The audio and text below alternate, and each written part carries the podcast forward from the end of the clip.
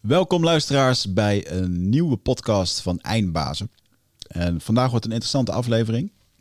Uh, Tijn Tauber is vandaag de gast. Dankjewel dat je er eindelijk bent. Want ik weet nog wel dat wij uh, een lijstje zaten te maken in de, de begintijden van Eindbazen, vijf, zes jaar geleden. En uh, toen gingen we toch een beetje rondkijken. Ja, wie moeten we dan hebben voor, hè, voor de eindbazen in, in bepaalde specialisaties? En het was heel erg grappig dat, dat jij daar al vrij vroeg op stond. Ik weet het nog. En, ja, want ik ehm, ben, volgens mij ben ik jou toen ook tegengekomen in uh, de bewustzijnsschool. Ja. Toen hebben we het er al over gehad. Ja. En dat was helemaal in het begin toen de bewustzijnsschool startte, volgens mij. Ja.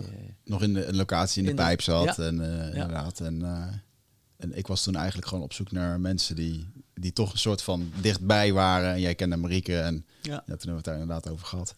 Nou, nu vijf jaar later stonden de sterren zo en de maan zo dat je... Divine dat je timing. Ja, mooi. Dus, uh, dus dankjewel dat je er bent. Uh, je zegt net divine timing, bestaat dat? Jawel, ik denk het wel, ja. Ik, uh, ik heb me wel veel verdiept in het werk van Joseph Campbell. weet je wel, de, de, de reis van de held, de Hero's Journey. En dan zie je ook dat het leven door allerlei fases heen gaat, de archetypische fases. En hoezeer je dat ook wil dwingen, weet je wel, zo van nou, nu ben ik er klaar mee hoor, met deze fase van het avontuur. Op de een of andere manier lijkt het wel of alles toch een soort looptijd heeft of zo. Wat, uh, hmm. Dus je kunt wel plannen, denk ik. En het is ook goed om bepaalde doelen te stellen. En tegelijkertijd is het ook gewoon wat het is. En, en duren dingen ook zo lang als ze duren. Ja. Dat, uh, dus ik probeer dat wel steeds meer te doen, ook om te berusten in van oké, dit is dus blijkbaar gewoon wat het nu is. En, uh, en ja.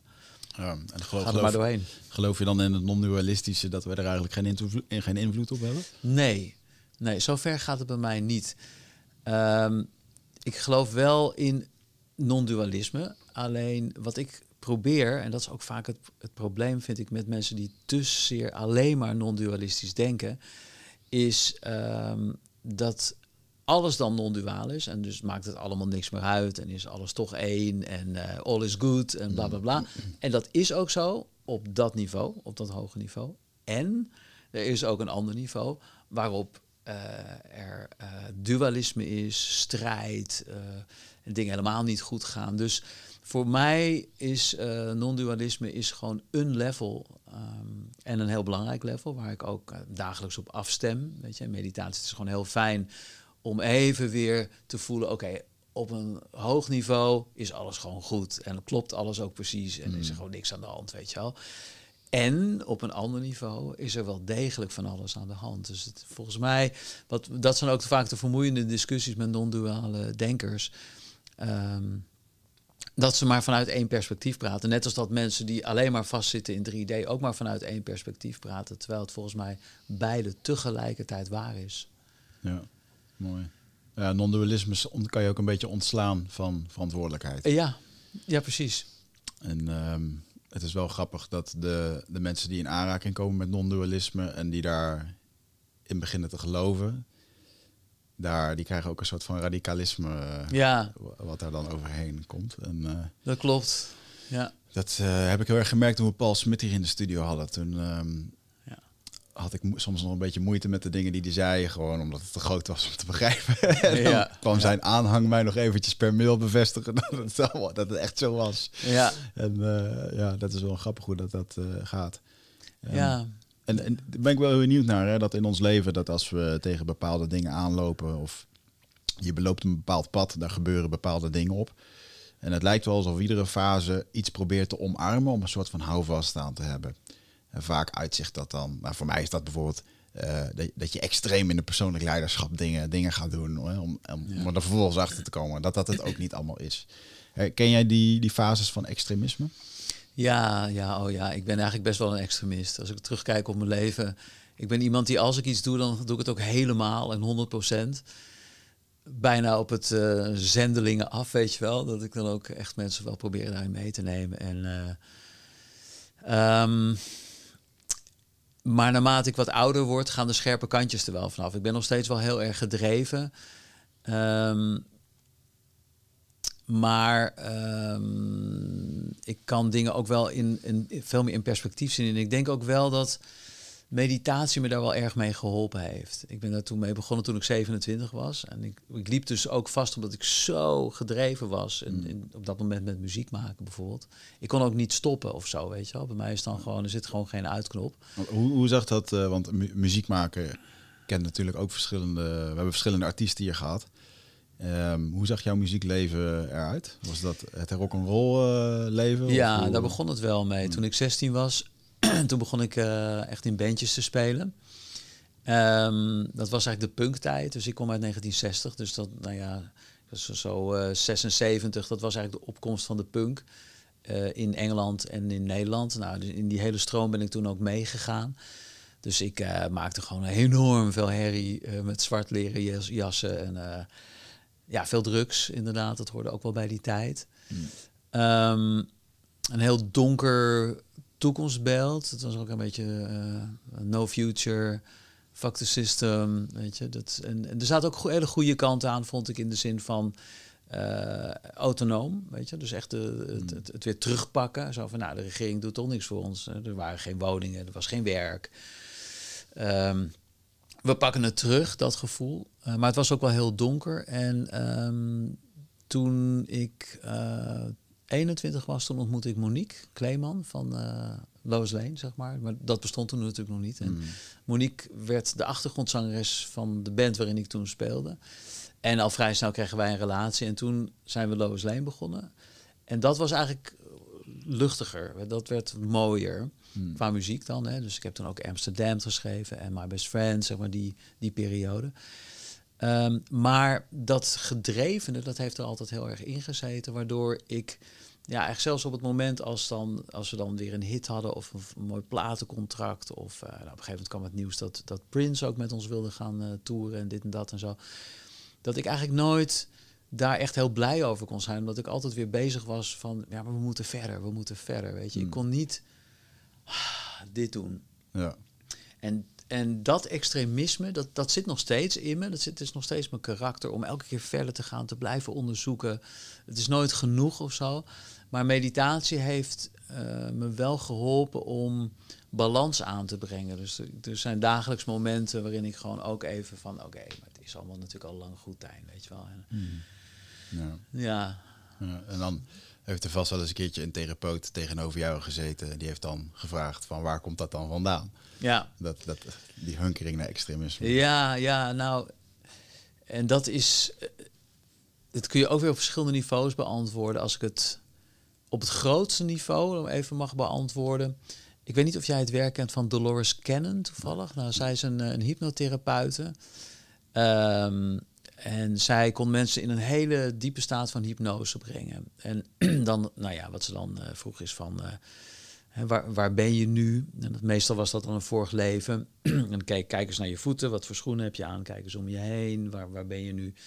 En mensen beschreven dan, uh, weet ik veel, 1800, arbeiderswijk Londen of zo. En daar was dan misschien een traumatische ervaring, waar ze dan in dit leven nog steeds last van hadden. Maar wat zij steeds vaker tegenkwam, was dat als mensen dan naar hun voeten keken, dat ze zoiets hadden van, uh, nou ja, ik heb drie tenen, uh, kijk eens om je heen, twee zonnen, uh, aarde is roodachtig, weet je wel. Dus die waren duidelijk niet op aarde, die waren ergens anders.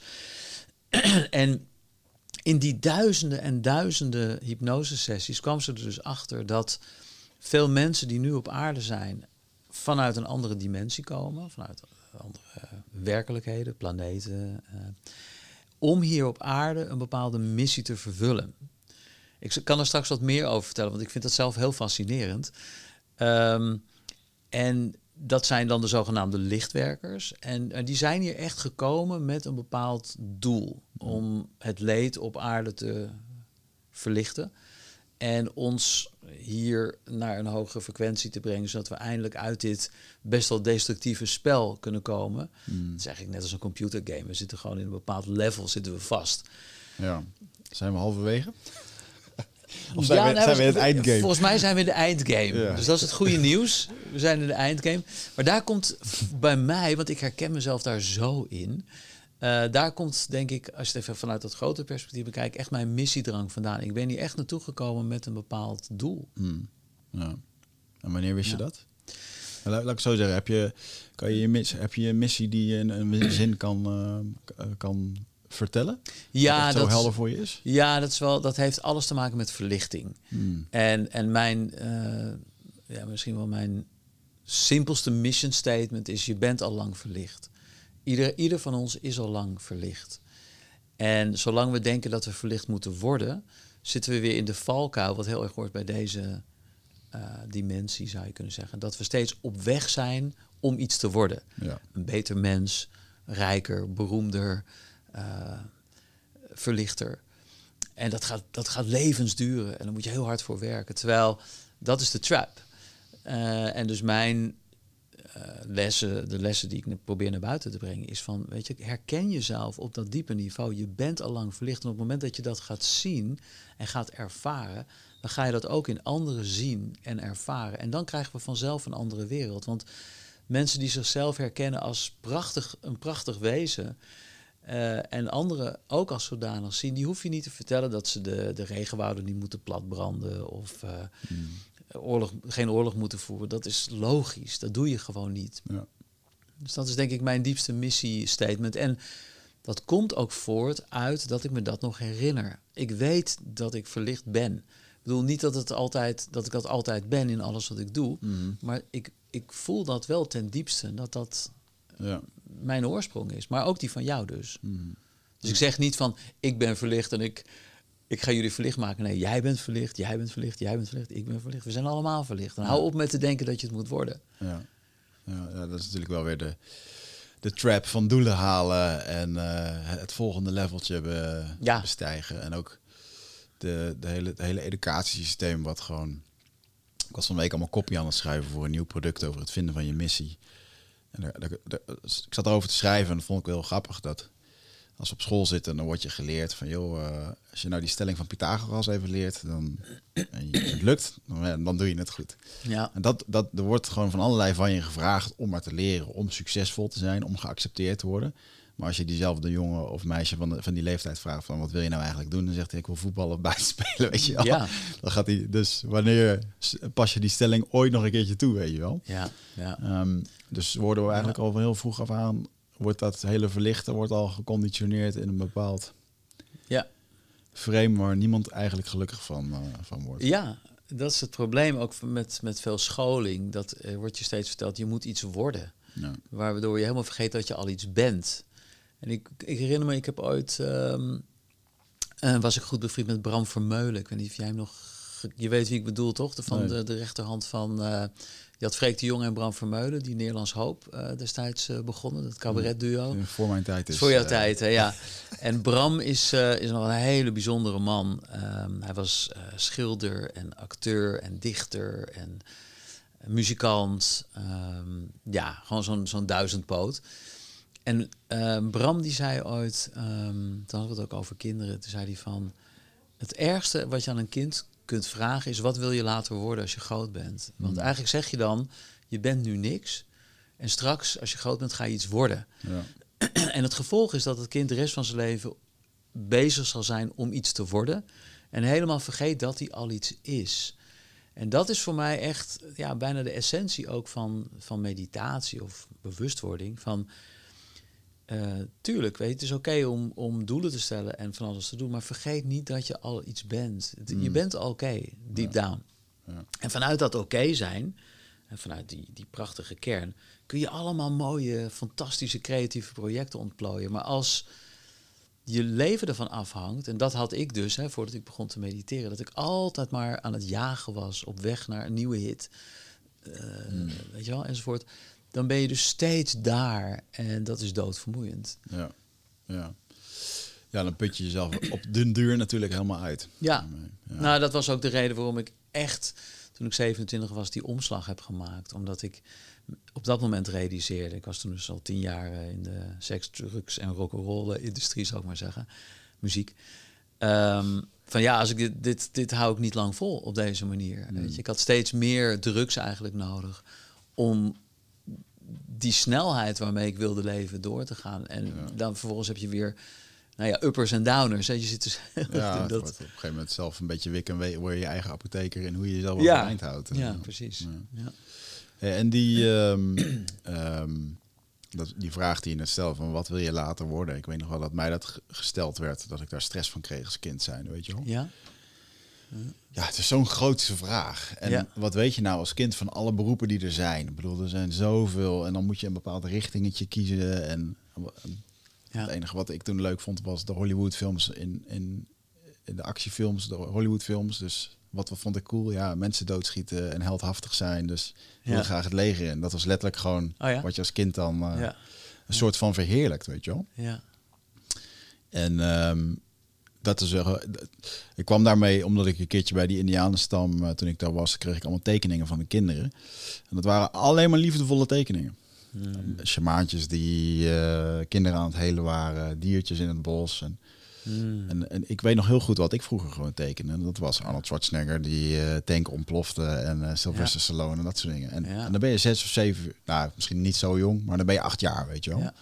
Dus dat was voor mij wel echt een realisatie van wow, wat je gewoon continu binnenkrijgt. Ja. Ja, dat vormt ook gewoon die realiteit. Enorm. En vooral op die leeftijd, hè. Ze zeggen toch ook dat tot je zevende jaar ben je gewoon eigenlijk een soort spons je kunt niet reflecteren. Je kunt niet denken van, nou, het is eigenlijk wel gek dat we elkaar doodschieten. Nee, het is gewoon... Nee, en het wordt ook nog een keer mooie muziek eronder uh, verheerlijkt. En daarna is hij ook nog de held en hij komt er nog mee weg ook, weet je wel. Want ja. dat ja, precies. de verhalen, weet je wel. En, uh, en dat doet me ook wel realiseren dat... Uh, je bent natuurlijk iemand die ook veel spreekt over de kracht van gedachten en visualisatie. Ja. En het is zo dat de realiteit dat onze gedachten onze realiteit creëren. Maar op het moment dat wij op de wereld komen, dan is er eerst de realiteit die echt voor een groot gedeelte onze gedachten gaat creëren. Ja. Of dat het veilig is, al die kaders en al die dingen. Ja. En uh, wat zijn nou voor jou de... Uh, ben jij in een hele fijne realiteit geboren, waar je goede kaders voor jezelf hebt kunnen bouwen? Ja, de eerste, eerste jaren wel. Ik heb denk ik de massa gehad dat ik de eerste nou, tot mijn negende eigenlijk een heel gelukkige jeugd heb gehad. Uh, ik, ik, kom uit een nest waarbij uh, mijn moeder is een ongelooflijke warme, lieve, zorgzame vrouw. Leeft nog steeds. en ik zie er nog steeds veel. Ze is hartstikke dement.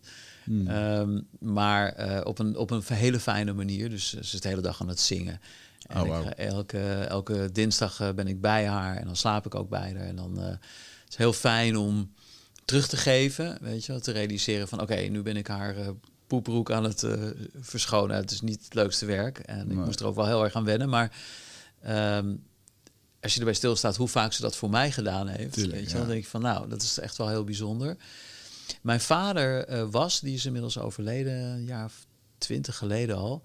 Um, bijna het tegenovergestelde van mijn moeder. Een enorme left brain, self-made jochie uit Amsterdam-West... die uh, de wereld wel eens even zou laten zien uh, dat hij zijn arme milieu kon, kon ontworstelen. Ont, uh, mm. Werd uiteindelijk professor, hoogleraar in de endocrinologie in het AMC hier. En was heel goed in zijn vak. En is toen op een gegeven moment, toen ik zes was, door de Amerikanen, dus ten tijde van de Koude Oorlog, hij had iets ontdekt. wat te maken had met het groeihormoon. En toen hebben de Amerikanen gevraagd of hij naar Amerika wilde komen, omdat daar verder in Seattle uit te werken. Eigenlijk ook waarschijnlijk vanuit van anders doen de Russen het of zo, weet je. Dat is natuurlijk die tijd. Dus toen zijn we met het gezin naar Amerika verhuisd. En toen heb ik drie jaar in Seattle gewoond. Dus dat is aan de westkust helemaal bovenaan tegen Canada. Dus de staat Washington. Prachtig. Um, daar heb ik ook uh, Indianen uh, leren kennen. Uh, dat hele gevoel van de natuur, de great outdoors, um, het native gevoel orka's, hmm. weet je wel, bergen enzovoort. Dus dat, heeft, dat is enorm vormend geweest. En mijn ouders waren toen nog goed samen. Ze hadden natuurlijk ook een gezamenlijke, prachtige missie. Een heel nieuw leven eigenlijk opbouwen in Amerika. En toen ik negen was, toen kwamen we terug in Nederland. En ook weer in het oude huis waar we toen woonden. Dat was toen in Amstelveen, zo een beetje de rand van Amsterdam.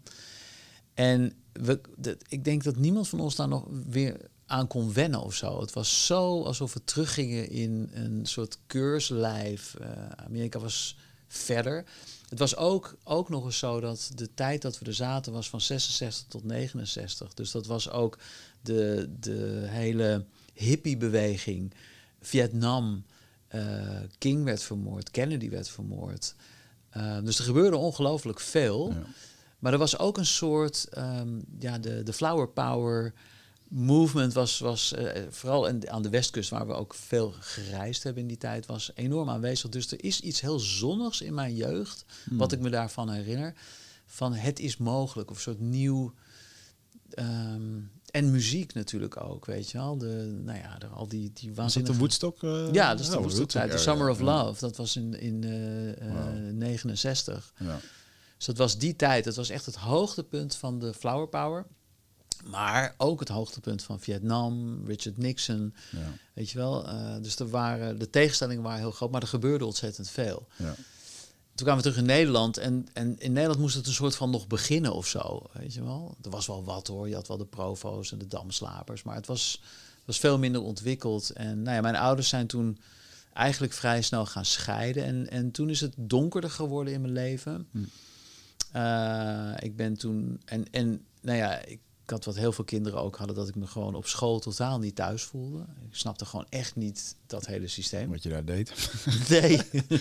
en dat uh, resulteerde in dat ik dus al heel vroeg uh, ja, begon te blowen. Weet je, ik, ik, denk dat ik 14 was uh, toen ik ermee begon. En op een gegeven moment werd dat een soort van elke dag. Ja. Nou, op mijn zestiende min of meer het huis uit naar allerlei kraakpanden in Amsterdam. En daar dus allerlei heftige punkbands en zo. Dus ja, mm de kraaktijd was dat ook. Hè? Dus het was alleen maar kraakpanden waar ik toen heb gewoond, jarenlang. En het had iets heel ludieks, maar het was ook het was echt een donkere tijd. ja, onrustig en heftig. Ja, bandenbom, weet je. Dus je had die neutronenbommen, je had de Koude Oorlog. Er was, ja. er was nou ja, geen woning. Mm. Het was een heftige tijd. Ja. Maar ook die punkertijd. We hebben hier uh, voormalig Free Fighter Bob Schrijver gehad. Mm.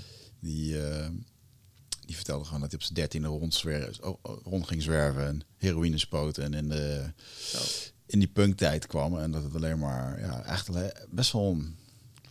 Wat is eigenlijk de, de punk scene? Het heeft een hele, het heeft die hele donkere, ja. deterministische zijde, toch? Ja, maar het heeft ook iets heel goeds. Want ehm, je had dus de generatie daarvoor, dat is een beetje de, mijn ouders, ik denk jouw ouders zitten zijn net even wat later. 49, mijn moeder. Uh, ja, ja, precies. Dus mijn ouders zijn wat, dat, dat wordt wel eens de stille generatie genoemd, de opbouwgeneratie. Dus dat is een, een generatie die, nou ja, hè, twee heftige wereldoorlogen gehad. En uh, Dus dat werd nou ja, opbouwen en heel, ja, laten we zeggen, uh, niet de meest frivole generatie. Nou, dat werd doorbroken door de, de hippies, de babyboomers. En die brachten een soort nieuw elan.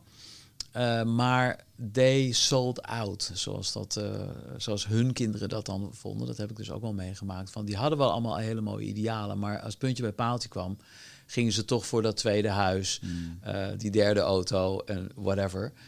En daaruit is eigenlijk punk voortgekomen. Punk was een reactie op het establishment, op die maar in de muziekscene was dat op die, die gigantische bands die maar eindeloze gitaarsolo speelden en zichzelf helemaal te gek vonden. Terwijl, weet je wel, fuck op, dat een beetje dat gevoel. Hmm. Maar ook die te grote platenmaatschappij die te veel macht hadden. Ehm, dat was echt een dikke middelvinger tegen het, het, het economische systeem van toen. Ja. En daar voelde ik me dus wel heel erg in thuis. Ja. Maar ja, het was ook heel nihilistisch en weinig opbouwend. Het was meer alles neerhalen. En, uh, en dus ik, ik moest zelf ook die slag maken. En nou ja, Monique was een meisje uit uh, Buitenvelder. Toen ik er voor het eerst zag met een kanten kraagje. Van gewoon een keurig, lief, mooi, onschuldig bloemetje eigenlijk. Die uh, aanbelde bij uh, de lugubere kraakpand waar ik toen woonde. Om, nou, ik heb gehoord dat jullie een achtergrondzangeres is. Ik heb nog nooit gezongen, maar mijn beste vriendin zei dat ik wel een aardige stem had en zo. Dus die heeft een auditie gedaan en ze zong zo zachtjes dat we er we konden niet eens horen, maar we hadden het gelukkig opgenomen. En toen s'avonds, toen zat ik zo met een koptelefoon en ik denk, jezus, wat kan die goed zingen. En toen ben ik eigenlijk weggegaan van die hele heftige punkscene waarin ik zat. Toen ben ik gewoon, nou, toen zijn we samen gaan wonen. En toen zijn we eigenlijk weer iets moois gaan opbouwen. En de liedjes van Lois Lane zijn eigenlijk allemaal heel... Ja, Amsterdam is, misschien nog een beetje het meest heftig of zo, maar het meeste is My Best Friend. En, mm. Weet je wel, gewoon mooie, lieve liedjes. Ja. Dus dat, toen kwam voor mij ook de ommekeer. En um, toen um, is om. En toen ik 27 was, dus toen was ik inmiddels zes jaar uh, met Monique en bij Lois Lane. Toen kwam wat ik later wel eens het Henny Vriend moment ben gaan noemen, is dit nou alles, weet je wel? Dus ik had toen, toen had ik wel echt iets heel moois opgebouwd. We hadden een heel mooi platencontract. We woonden in een heerlijk huis, uh, vlakbij het Vondelpark. We hadden ontzettend veel mooie, lieve vrienden. Ik had een Bergstein piano staan, weet ik veel, voor gitaren. En eigenlijk was alles goed, maar misschien wel juist daarom had ik zoiets van, ja, is dit het nou? Er is toch meer? Is, is dit het dan of zo?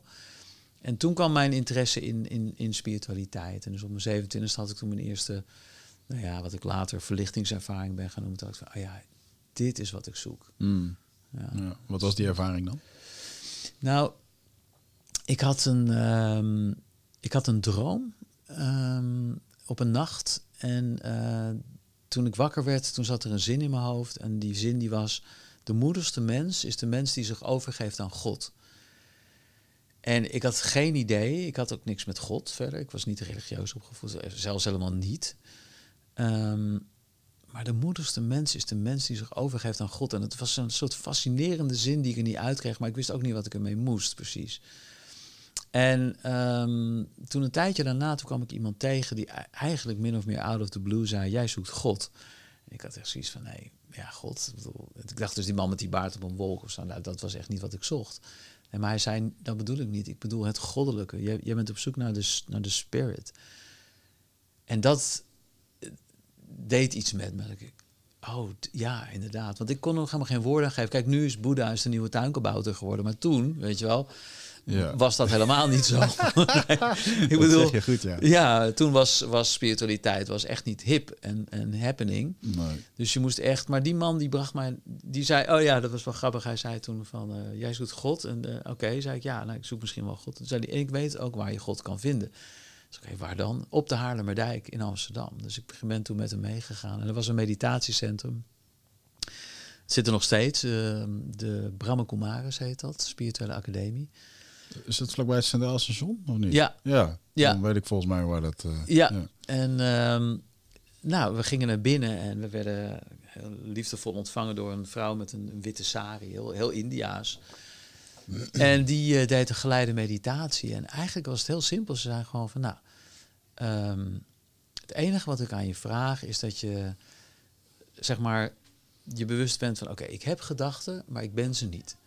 Weet je, dus je gaat gewoon schouwen. Gaat gewoon, oké, daar gaat een gedachte, daar gaat een gedachte. Maar je bent je gedachte niet. En nou ja, in het begin zat ik een beetje te zoeken van oké, maar wie ben ik dan wel en waar ben ik dan en zo. En op een gegeven moment was het net alsof ik een soort stap achteruit zetten in mijn eigen hoofd of zo. Zo voelde dat. En ineens zag ik mijn gedachten en al die zorgen en al die aannames en uh, conditionering, weet ik veel. Het hele circus zag ik daar, hmm. maar ik was hier. En dat was zo'n opluchting. Ik had echt iets van, oh ja, dit is het dus. En het voelde echt als thuiskomen. En dat, nou ja, en dat duurde, ja, hoe lang dat duurde, weet ik niet. Maar ik weet wel dat ik op een gegeven moment. Het was heel gelukzalig. Het was heel erg van. Ach man, weet je wel, wat heb ik hier naar verlangd? Dat gevoel, ook, ook heel emotioneel daardoor. Weet je, ik moest, volgens mij zat ik ook bijna te huilen en te lachen tegelijk of zo. zo. Hmm. Euforie en melancholie. En, en toen kwam er een gedachte, en dat weet ik nog heel goed. En die gedachte was: dit wil ik nooit meer kwijt. En op dat moment was ik het kwijt. Weet je? Dan, de mind nam het weer over ja. en het was weg. Maar goed, ik had het wel ervaren. En dus ik, ik weet nog dat ik ook heel langzaam naar huis ben gelopen toen naar het Vondelpark, waar ik toen woonde, bij de Helmerstraat. En echt nog helemaal onder de indruk. Maar goed, het, ik voelde het niet meer, maar het was de. Ik, het, het eilde nog na als het ware. En toen kwam ik thuis en toen vertelde ik dat aan Monique. Ik zei: Ja, ik heb zoiets bijzonders meegemaakt probeerde woorden aan te geven. Maar dat, dat, nou ja, goed. En toen zei ik, en dat had ik ook aan die vrouw gevraagd. Ik zei, ja, ik wil eigenlijk kijken of ik hier nog dieper in kan, me kan ontwikkelen. Want ik vind het zo bijzonder. Dus ik wil eigenlijk een maand lang helemaal ervoor gaan. Dat is dat extremisme dan weer in mij, weet je wel. Je hebt je nieuwe verslaving gevonden. Ja, nou ja, precies. Dat is dus de andere kant er weer van. Hè. Um, dus dat betekent, en ik had dan gevraagd van, nou, wat moet ik dan doen? Hè? Als ik echt dat, dat hiervoor wil gaan, nou, zei ze, ja, dan moet je s morgens vier uur moet je opstaan voor meditatie. Dat is de beste tijd. Amrit Vela heet dat. En dan moet je even gewoon niet meer drinken, niet meer blowen. geen vlees, geen tv, geen seks. Um, wat was nog meer? Nou ja, dat, was, dat waren een beetje de do's en don'ts. Um, oh ja, even, even niet meer uitgaan de hele tijd. Want ik ging natuurlijk heel veel uit. En uh, even niet bezighouden met welke hippe schoenen ga ik vandaag dragen. Maar gewoon even helemaal back to basics. Dus nou, ik, ik, zei tegen Monique van, vind je het oké dat ik dat een maand doe? En, en, en wil je meedoen? Nou, dat niet, maar ze vond het wel oké. Dus ik ben dat toen een maand gaan doen. En in die maand had ik weer van dat soort mooie ervaringen. En dus toen, na die maand, zei ik tegen haar van, ja, dit was zo mooi, vind je het goed als ik het nog één maand doe? Oké, en dat is zo doorgegaan, mm. eh, een jaar lang. Dus het was heel lang. Uh, zeker ook natuurlijk omdat we samenwoonden en ook een stel waren. Maar we hadden dus geen seks meer. Ik, ging, ik stond op op het moment dat zij naar bed ging meestal. Ondertussen speelden we nog wel met Lois Lane. Dus het was ook heel vermoeiend voor mij. Want ik kwam natuurlijk ook, uh, weet ik veel, dan speelden we drie nachten per week of zo traden we dan op. En dan in Groningen en weet ik veel waar. En dan kwam ik om vier uur thuis. Mm. En die andere dagen stond ik dan om vier uur op. Ehm, dus het was ook wel een hele vermoeiende tijd. En na een jaar, toen heeft zij me eigenlijk gewoon voor, het, voor het blok gezet. Van ja, weet je. Ze zei letterlijk: Ik wil een man, ik wil geen monnik. Weet je, dus kies maar, wat ga je doen? En ik wist al toen van ja, ik ga hiermee door, want dit is gewoon mijn pad. Dat voelde ik aan alles. Mm. Maar het was wel heel verdrietig. En toen ben ik uh, nog, nog, toch nog een tijd doorgaan met Lois Lane. Dus die werelden combineren. Totdat ik op een gegeven moment ook het fysiek gewoon niet meer trok. Dus die hmm. uh, bio, mijn bioritme was zo in de war dat ik op een gegeven moment ook gewoon oud ben, letterlijk oud ben gegaan. En toen was het wel duidelijk van ja, oké, okay, Tijn, weet je, dit werkt niet meer. Dit werkt niet meer. Hmm. en toen ben ik 14 jaar doorgegaan.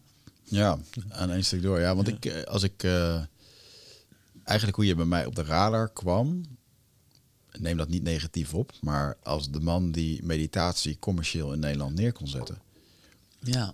Uh, dat gewoon, uh, jij organiseerde evenementen waar veel mensen op afkwamen. En uh, niet in een verdomhoekje, verdomhoekje van spiritualiteit durfde te, of ja, het niet gezien willen worden. En dat hele voorzichtige en ja. op donatie en weet ik dan van dat soort dingen die er dan bij horen. Ja. Um, maar eigenlijk gewoon, ja, uh, dat meditatie gewoon voor iedereen is. En daar gewoon voor durven staan en boeken erover schrijven en dat willen delen. Dat is eigenlijk een. Uh, dat klopt, inderdaad. En dat kwam niet per se uit een uh, commerciële gedachte voort, maar wel uit de gedachte van dit is heel belangrijk voor iedereen. Um, en mijn, um, laten we zeggen, mijn, mijn, de, de sport voor mij is om, laten we zeggen, Oosterse spiritualiteit, wat, wat best wel um, in mystiek gehuld is vaak en in vreemde Sanskriet-termen, weet je, wat, wat je in yogascholen nog steeds heel veel tegenkomt. Dat alle asana's worden dan op het Sanskriet uitgesproken of zo, weet je wel. Dat ik had zoiets van, ja, maar daar moeten we juist van af. We moeten af van het idee dat spiritualiteit alleen bedreven wordt door mensen in oranje jurken met een klodder boter op hun hoofd en uh, die hmm. prevelen en met wierook. Want dat, dat kan allemaal wel, maar wij leven hier in het Westen in een hele andere realiteit. Maar meditatie is voor ons net zo goed van belang. En dus wat ik ben gaan doen, ik ben al die dingen die ik dan in India leerde, ben ik terug gaan vertalen naar gewoon huistuin- en keukentaal. Simpele taal. En waardoor ik het zelf ook steeds beter begon te begrijpen. Weet je, want als je iets in, op, in een Sanskriet-term vat, ja, dat klinkt, klinkt misschien heel holy of zo, maar wat betekent het nou eigenlijk gewoon echt in mijn leven, weet je wel, in mijn taal? En daardoor en ook omdat ik er boeken over ging schrijven, waardoor je, dat weet jij ook, hè, met schrijven ben je, word je gewoon gedwongen om iets gewoon heel helder neer te zetten. Mm. Elk paragraafje moet gewoon kloppen van wat is het nou, weet je wel. Het is helemaal niet moeilijk om een dik boek te schrijven, maar een dun boekje, weet je, waarin het echt gewoon goed staat. Nou, dat is. Nou. En omdat ik het zelf op die manier aan het doorwerken was, kon ik op een gegeven moment aan allerlei groepen uh, les gaan geven in gewone taal. Dus ik heb bijvoorbeeld uh, in die tijd 30% van alle Amsterdamse politiemensen meditatielessen gegeven. Alleen ik noemde het geen meditatie. Want dat was gewoon een woord wat, uh, wat direct mensen al afstoten. Dus ik had het dan over stressmanagement of oh, positief denken of weet je wel. En in de gevangenis heb ik ook in de Bijlmerbaaiers heel lang aan uh, drugsdelinquenten les gegeven. Hmm. En dat, dat ging heel makkelijk, omdat ik zelf natuurlijk een drugsverleden had. Dus ze geloofden mij wel, weet je wel. Ik was niet een soort uh, welzijnswerker die het, het mooie, de mooie boodschap kan verkondigen. Maar ik zei, ja jongens, ik heb precies gezeten waar jullie zaten, maar ik heb een alternatief. Natural high, weet je wel. En op Lowlands heb ik veel les gegeven en aan rechters en nu dan aan de landmacht. Dus, en dat is inderdaad omdat ik het heb terugvertaald naar gewone taal, denk ik. Ja. ja, mooi. En dat is wel waar de brug inderdaad. En dan kom je vaak natuurlijk. Je slaat daar heel mooi de brug mee. Dan is het natuurlijk een hele. Je merkt dat er in spiritualiteit vaak van die hele dedicated groepen zijn aan één tak. En dat is dan het, het heiligdom, zeg maar. Ja. En OE als eraan gesleuteld wordt. En uh, ja, dat is grappig om Ik heb dat uh, meegemaakt met uh, stadsverlichting. Ik had op een gegeven moment, ik weet niet of je dat weet, stadsverlichting is, ja, ja. is een netwerk. Dat is denk ik inmiddels twaalf jaar geleden eigenlijk ontstaan omdat ik um, um, in, uit onderzoeken, of onderzoeken had gelezen waaruit blijkt dat als mensen samen mediteren, dat ze een meetbaar effect op hun omgeving hebben. Ja. Dat vond ik zo cool. En ik snap het ook wel, want alles is uiteindelijk energie. Dus als ik in vrede ben en jij ook en jij ook en jij ook, nou, dan creëren we natuurlijk toch een veldje waar misschien ook de buren op een gegeven moment zoiets voelen van wow, die wiggert, oh, een lekker sfeertje of zo. Dan kunnen ze het vaak niet benoemen, maar het, mm. weet je. En um, nou, dus ik, ik heb toen op een gegeven moment mijn huiskamer opengesteld elke zondag voor mensen om te kijken van als we samen mediteren, wat gebeurt er dan met, met de buren? Met de buren in eerste instantie. En dan misschien stadsdeel Zuid en dan zo langzaam maar zeker. Nou ja, goed. En dat, dat is gegroeid en inmiddels zijn er zo'n 1350 huiskamers die daar allemaal meedoen. Maar uh, nou kom ik op jouw, jouw punt ook. Ik kreeg toen op een gegeven moment kreeg ik het aan de stok met um, de transcendente meditatiebeweging. Ah ja. Want die, en, en alle credit hoor voor hun, want ik vind ze helemaal te gek.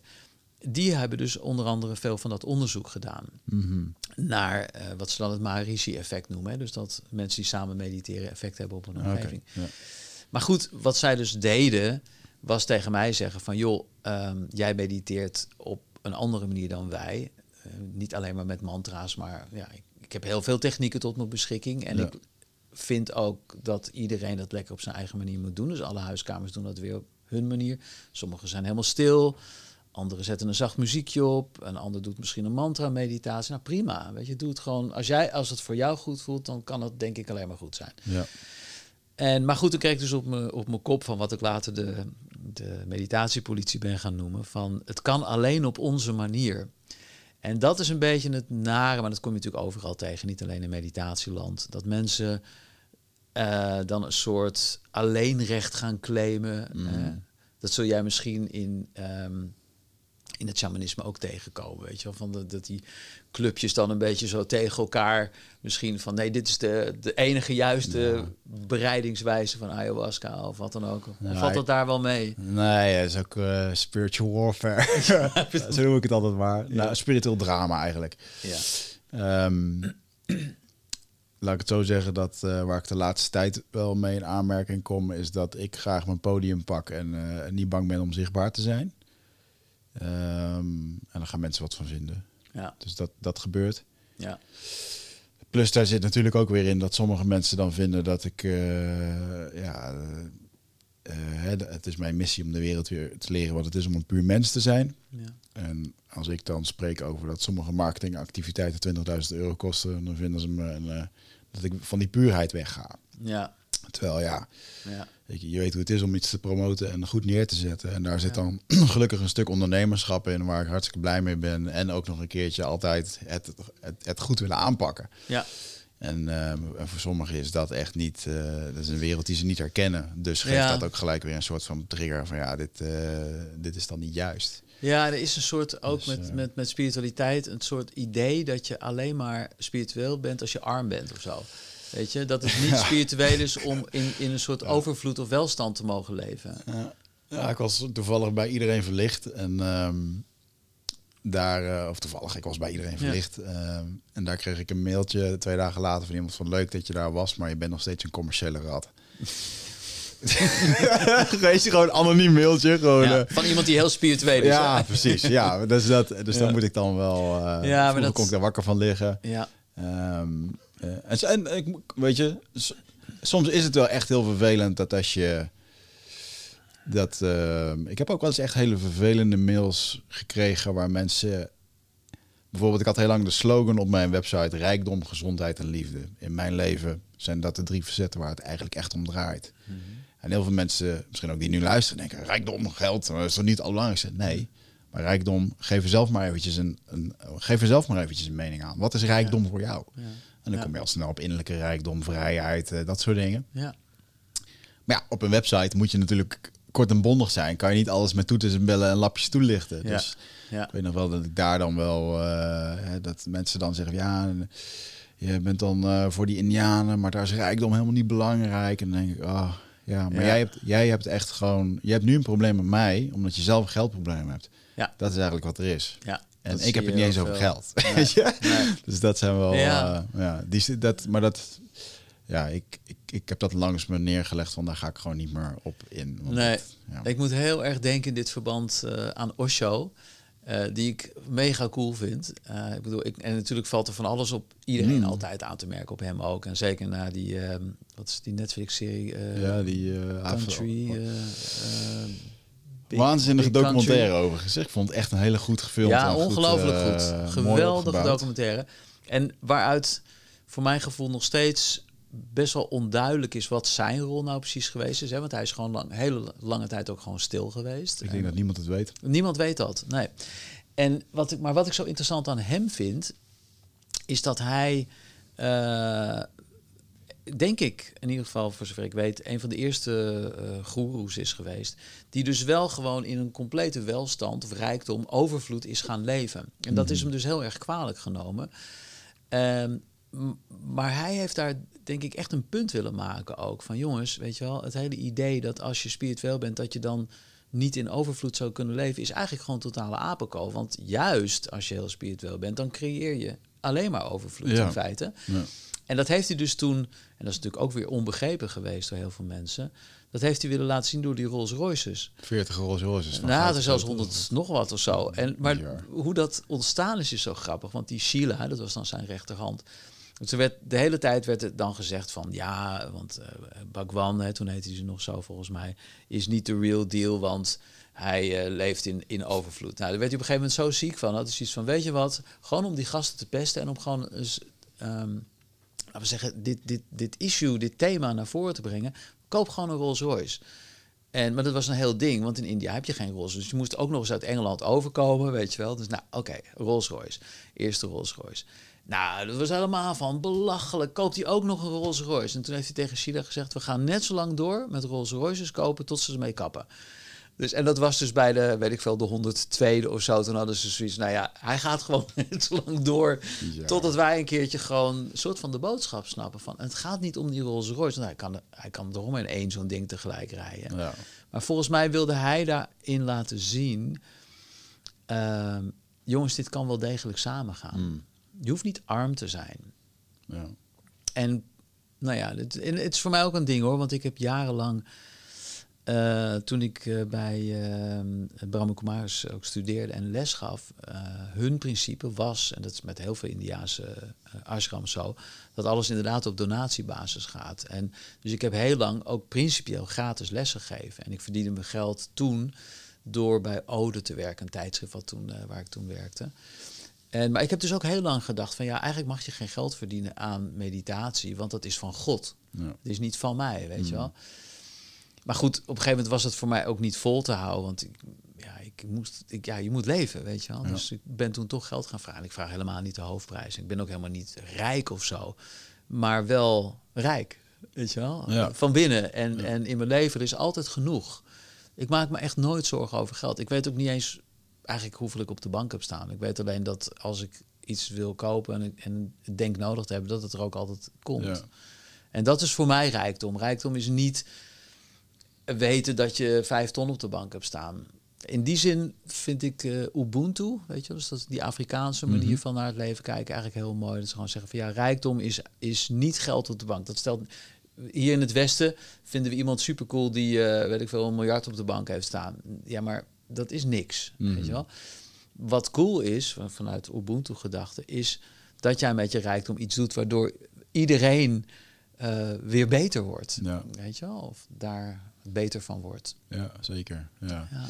ja en ik snap dan ook wel dat uh, in de perceptie van... Um, mensen... Ik ben veel zichtbaar, dus mensen kennen me. Maar enerzijds kennen ze me helemaal niet, weet je wel. Want je ziet niet wat ik thuis doe of hoe of wat. Ja, Dus, en wat laat je zien? Nou, natuurlijk dat je veel op een podium bent, dat je met leuke dingen bezig bent. Dus eh, ik heb wel voor mezelf nu gemerkt, oké, ik, ik wil dan ook wel weer laten zien dat ik ehm, meer bezig ben met de stichting waar ik land voor wil kopen voor Indianen en dat terug wil geven. Want Ja. dat is uiteindelijk gewoon het doel van mij, om, dat, om daar gewoon... En ik heb, ik zeg daarbij letterlijk dat ik het netwerk heb en bij de bedrijven spreek die dat interessant vinden om daar geld aan te geven. Dus ja, dan moet ik dat gewoon gaan benutten. ja zeker. En dus hetzelfde met Tony Ja. Robbins, die inderdaad miljoenen met zijn lezingen geeft. Maar ook, geloof ik, voor ieder programma of voor ieder dollar die hij verdient, een maaltijd geeft voor. Ik geloof dat hij een paar honderd, een paar, nou, geloof een vijf, miljoenen maaltijden aan daklozen heeft Ja, gegeven. fantastisch. Ja, dat- Ja. Wat, Ja, heb jij, wat heb jij gedaan de afgelopen jaren? Ja. wel, die daarover zit te bitchen. Ja, ja, ja, het is heel makkelijk ook. Ja, ik merk dat ook. Ik bedoel, ik maak dan dagelijks filmpjes. Ik ben ook best zichtbaar. ja. En ja, gelukkig, weet je wel, de meeste mensen vinden het fantastisch en fijn en zijn heel dankbaar. Maar je hebt altijd mensen die op de een of andere manier, ja, weet je, vanuit, laten we zeggen, de luie leunstoel er van alles van vinden. Mm. En eh, de kunst is, en dat zul jij denk ik ook merken, van om daar. ehm want ik, dat is dan heel gek, dat zul jij misschien ook kennen. Dan heb je, dan heb je laten we zeggen, honderd prachtige reacties en heb je er twee tussen. Ja, die zijn zuur. En die Ja. blijven hangen of zo. Ze zitten ook de rest van de dag staan. En dat is ja, goed, dat is dan een kunst om daarmee om te gaan en van te leren. Maar ik zat net te denken van, eigenlijk doe jij eh, door middel van je boek en door middel van waar je mee bezig bent, een beetje hetzelfde wat ik dan destijds met spiritualiteit heb gedaan als het Mm. gaat over de yogis in India. Dat jij het shamanisme eh, helpt echt op de kaart te zetten en te, te vertalen. En van, nou, dit is gewoon een westerse gozer die daar naartoe gaat en er volledig voor gaat. Eh, en wat betekent dat dan hier nu in Ja. Nederland? Ja. ja, dat is voor mij ook nog wel eens een zoektocht. Maar Ja, Ik denk dat de grootste essentie voor mij is dat, dat shamanisme gewoon de oudste religie is en ook de meest logische religie. Omdat ehm, als je dan toch al in een go- God gelooft, dan geloof je dat hij dit hier alles gecreëerd heeft. En God is niet zichtbaar. Nou, sommige mensen zeggen dat ze hem gezien hebben, maar het merendeel gaat door het leven. Nee, die ontmoet hem nooit. Of niet in het, niet in het tastbare. Ehm, en het enige tastbare wat er dan is, ja, dat is om je heen. En waarom ben je dan datgene aan het kapotmaken, weet je wel? ja. Dus dat vind ik wel heel. eh, Ja. ook, ook in Bali vind ik dat fascinerend als ik daar ben. Dan, of ik ben daar een paar keer geweest en dan kijk ik daar en dan zie je die mensen drie keer per dag een offertje brengen. En, en vind ik heel mooi dat ze eventjes helemaal in dat moment daar kunnen zitten. En vervolgens dan, dan draai ik me om met mijn surfplank richting de zee en dan, dan zwem ik, de- peddel ik door de zee en dan voel ik gewoon de plastic zakken om mijn, eh, om mijn armen zi- eh, draaien. is dat, weet je wel? Ja. Zo, wauw. En dan ja. Is het, is het dan de armoede? Is het dan de realiteit waarin zij opgroeien, waar ze niet beter weten? Want ik zie ook bij mijn inheemse vrienden in het bos dat die af en toe keuzes maken. Waarvan ik denk, ja, dit is gewoon een keuze gemaakt omdat je, omdat je A, het geld niet hebt, maar ook omdat je het gewoon niet weet. Nee. Dat denk ik Dus ook, niet, ja. eh, hè, dus eh, we hebben ook gemerkt dat als we daar projecten doen, dat, eh hey, we hebben geld ingezameld, hier heb je 10.000 euro, doe er maar wat mee voor het dorp. Dat dat geen goede constructie is, dan Nee. gaat dat op aan niks. ja. Ehm, en als je zegt, eh, we gaan nieuwe huizen bouwen, dan, eh, ja, dan, dan kopen ze dus inderdaad aluminiumplaten en dingen. Want ja, dat, Ja. Ah, dat is een hele Ja. delicate eh, Is het ook. kwestie inderdaad. Ja. Maar ik probeer wel, ehm, ja, ik probeer dat. Uiteindelijk is het ook heel logisch voor mensen dat, dat als je terug naar de natuur gaat en, en ze daar even in mee kan nemen. En ja, ik vind een mooi voorbeeld. voor veel mensen is het al een ding wat ze nooit zullen doen, maar bijvoorbeeld een zweethut. Ja, dan kan je, wat daarin gebeurt, is zo magisch. Weet je. Ja. En, eh, en, en, Ja. en vaak zeggen mensen nog wel eens van ja, maar dus iedereen moet aan de ayahuasca. Aan je ayahuasca. Nou ja, alsjeblieft niet. Weet je. Maar Nee. ik bedoel, de Indiërs die zich in een god lieten opsluiten. Dat, dat is ook al een manier van shamanisme. Dat je daar eh, jezelf gaat vinden. Ja. ja, ik vind het heel mooi dat het, eh, zeg maar, echt nu de laatste jaren echt in opkomst is. Ja. Ook als tegenwicht, want we hebben natuurlijk nou, het yogi gebeuren, zeg maar, eh, of het meditatie gebeuren, is eigenlijk heel erg gericht op van weg van de wereld naar het licht, weet je Mhm. wel. En het shamanisme is juist van in de aarde en hier aanwezig zijn. Ehm, eh, de natuur omarmen, weet Ja. je wel, als, als zijnde bezield en goddelijk. Ja, en heel erg de, de vermengeling van eh, het stappen in twee werelden. Ja. De verbinding tussen twee werelden. Ja. En dus ook, ja, ook het, het, het je, je, je bestaan kunnen dromen. Dat je gewoon iets voor je kan zien. Dat je het naar je toe kan halen. Dat, ja. dat die wereld er ook echt is. Ja. En, ehm, ja. En, en, dan vind ik het mooiste voorbeeld dat als je daar, wij gaan hier op onze 27e op zoek naar spiritualiteit, omdat we alles hebben geprobeerd, maar daar dus eigenlijk niet hebben gevonden. Mhm. Terwijl zij gewoon opgroeien met spiritualiteit. Ja. Waarin veel meer rust, veel meer geluk en voldoening heerst. En waarbij ik ook wel zie dat dat in het bos een stuk makkelijker is, omdat je daar geen telefoon hebt. Ja. Waar ik kijk en lees van, oh, Tijn heeft er 10.000 boeken verkocht. Shit, ja, dat wil ik ook. al die vergelijking heb je daar niet, weet ja. je wel. En, ja, precies. En, en, dat... Uh, ja. Maar we kunnen wel een end komen. Wat ik, wat ik bijvoorbeeld de laatste uh, jaar... Uh, ik, ik ben eigenlijk met shamanisme eigenlijk gekomen door Binky, mijn, mijn vrouw. Mm -hmm. En, want die is heel veel in Zuid- en Midden-Amerika geweest. En heeft daar honderden keren ayahuasca gedaan. Heeft een, een eigen finca ook uh, gekocht daar, samen oh, met wat wow. vrienden. Waar ook een, uh, een shamaan op woont. Een man die uh, al op hele jonge leeftijd door zijn opa, het is niet een echte opa, maar gewoon iemand die hem herkende eigenlijk als, als een progeny, oh, ja, mee het oerwoud in is genomen. En hij heeft ook van die geweldige kettingen met allemaal jaguar tanden en een hele bijzondere jongen. En daar heeft zij heel veel uh, mee uh, nou, gereisd. En ik ben toen met haar ook mee geweest naar Colombia om hem te ontmoeten. En ook helemaal, nou ja, wekenlang, nou ja, daar hoef ik jou niks over te vertellen, diep in, uh, in die ervaringen te gaan. En, maar door Binky ben ik eigenlijk gaan zien dat de antwoorden op de grote levensvragen niet per se alleen maar boven liggen, als het ware, in, in het licht, in God. Maar ook door juist heel erg de duisternis in te gaan. En, um, en ik ben er nog steeds uh, niet uh, zo ver in dat ik uh, met, Binky heeft dat wel met groot plezier de duisternis in duik. Ik heb nog steeds als net, net als een koude douche of zo. Eigenlijk liever niet. Ik weet dat ik het moet doen, maar liever niet mm. of zo. maar ik heb daar wel echt geleerd hoe mooi het is om juist donker ook in te durven gaan. En uh, zoals ik dat in mijn hele simpele dagelijks leven steeds meer ben gaan vertalen, is bijvoorbeeld op blote voeten lopen. Ik loop echt zoveel mogelijk op blote voeten. Uh, ik was laatst in Mandali in, uh, in Italië, dat mooie retraitecenter. Hadden we een, een stilte georganiseerd. En toen heb ik ook voor het eerst alle bergwandelingen die we daar deden, maar dat is echt rotsen hè, waar je dan over loopt en stenen en nou ja, gewoon eigenlijk allerlei soorten heftige ondergrond, gewoon op blote voeten gedaan. Hmm. Um, ook een soort overwinning op mezelf. En ook, uh, ja, ik, want ik heb ooit eens een, een, een man gehoord, die, die, die man die die barefoot shoes ook heeft uitgevonden, zou ik maar zeggen. En die dus ook met Indianen in contact kwam. En die Indianen zeiden tegen me, ja, het eerste wat je moet doen is je schoenen uittrekken. Want als jij contact met moeder aarde wil, ja, dan ga je toch niet een rubber ja, tussen zetten. Ik bedoel, het gaat al niet goed. Daar gaat het al niet goed, weet je wel.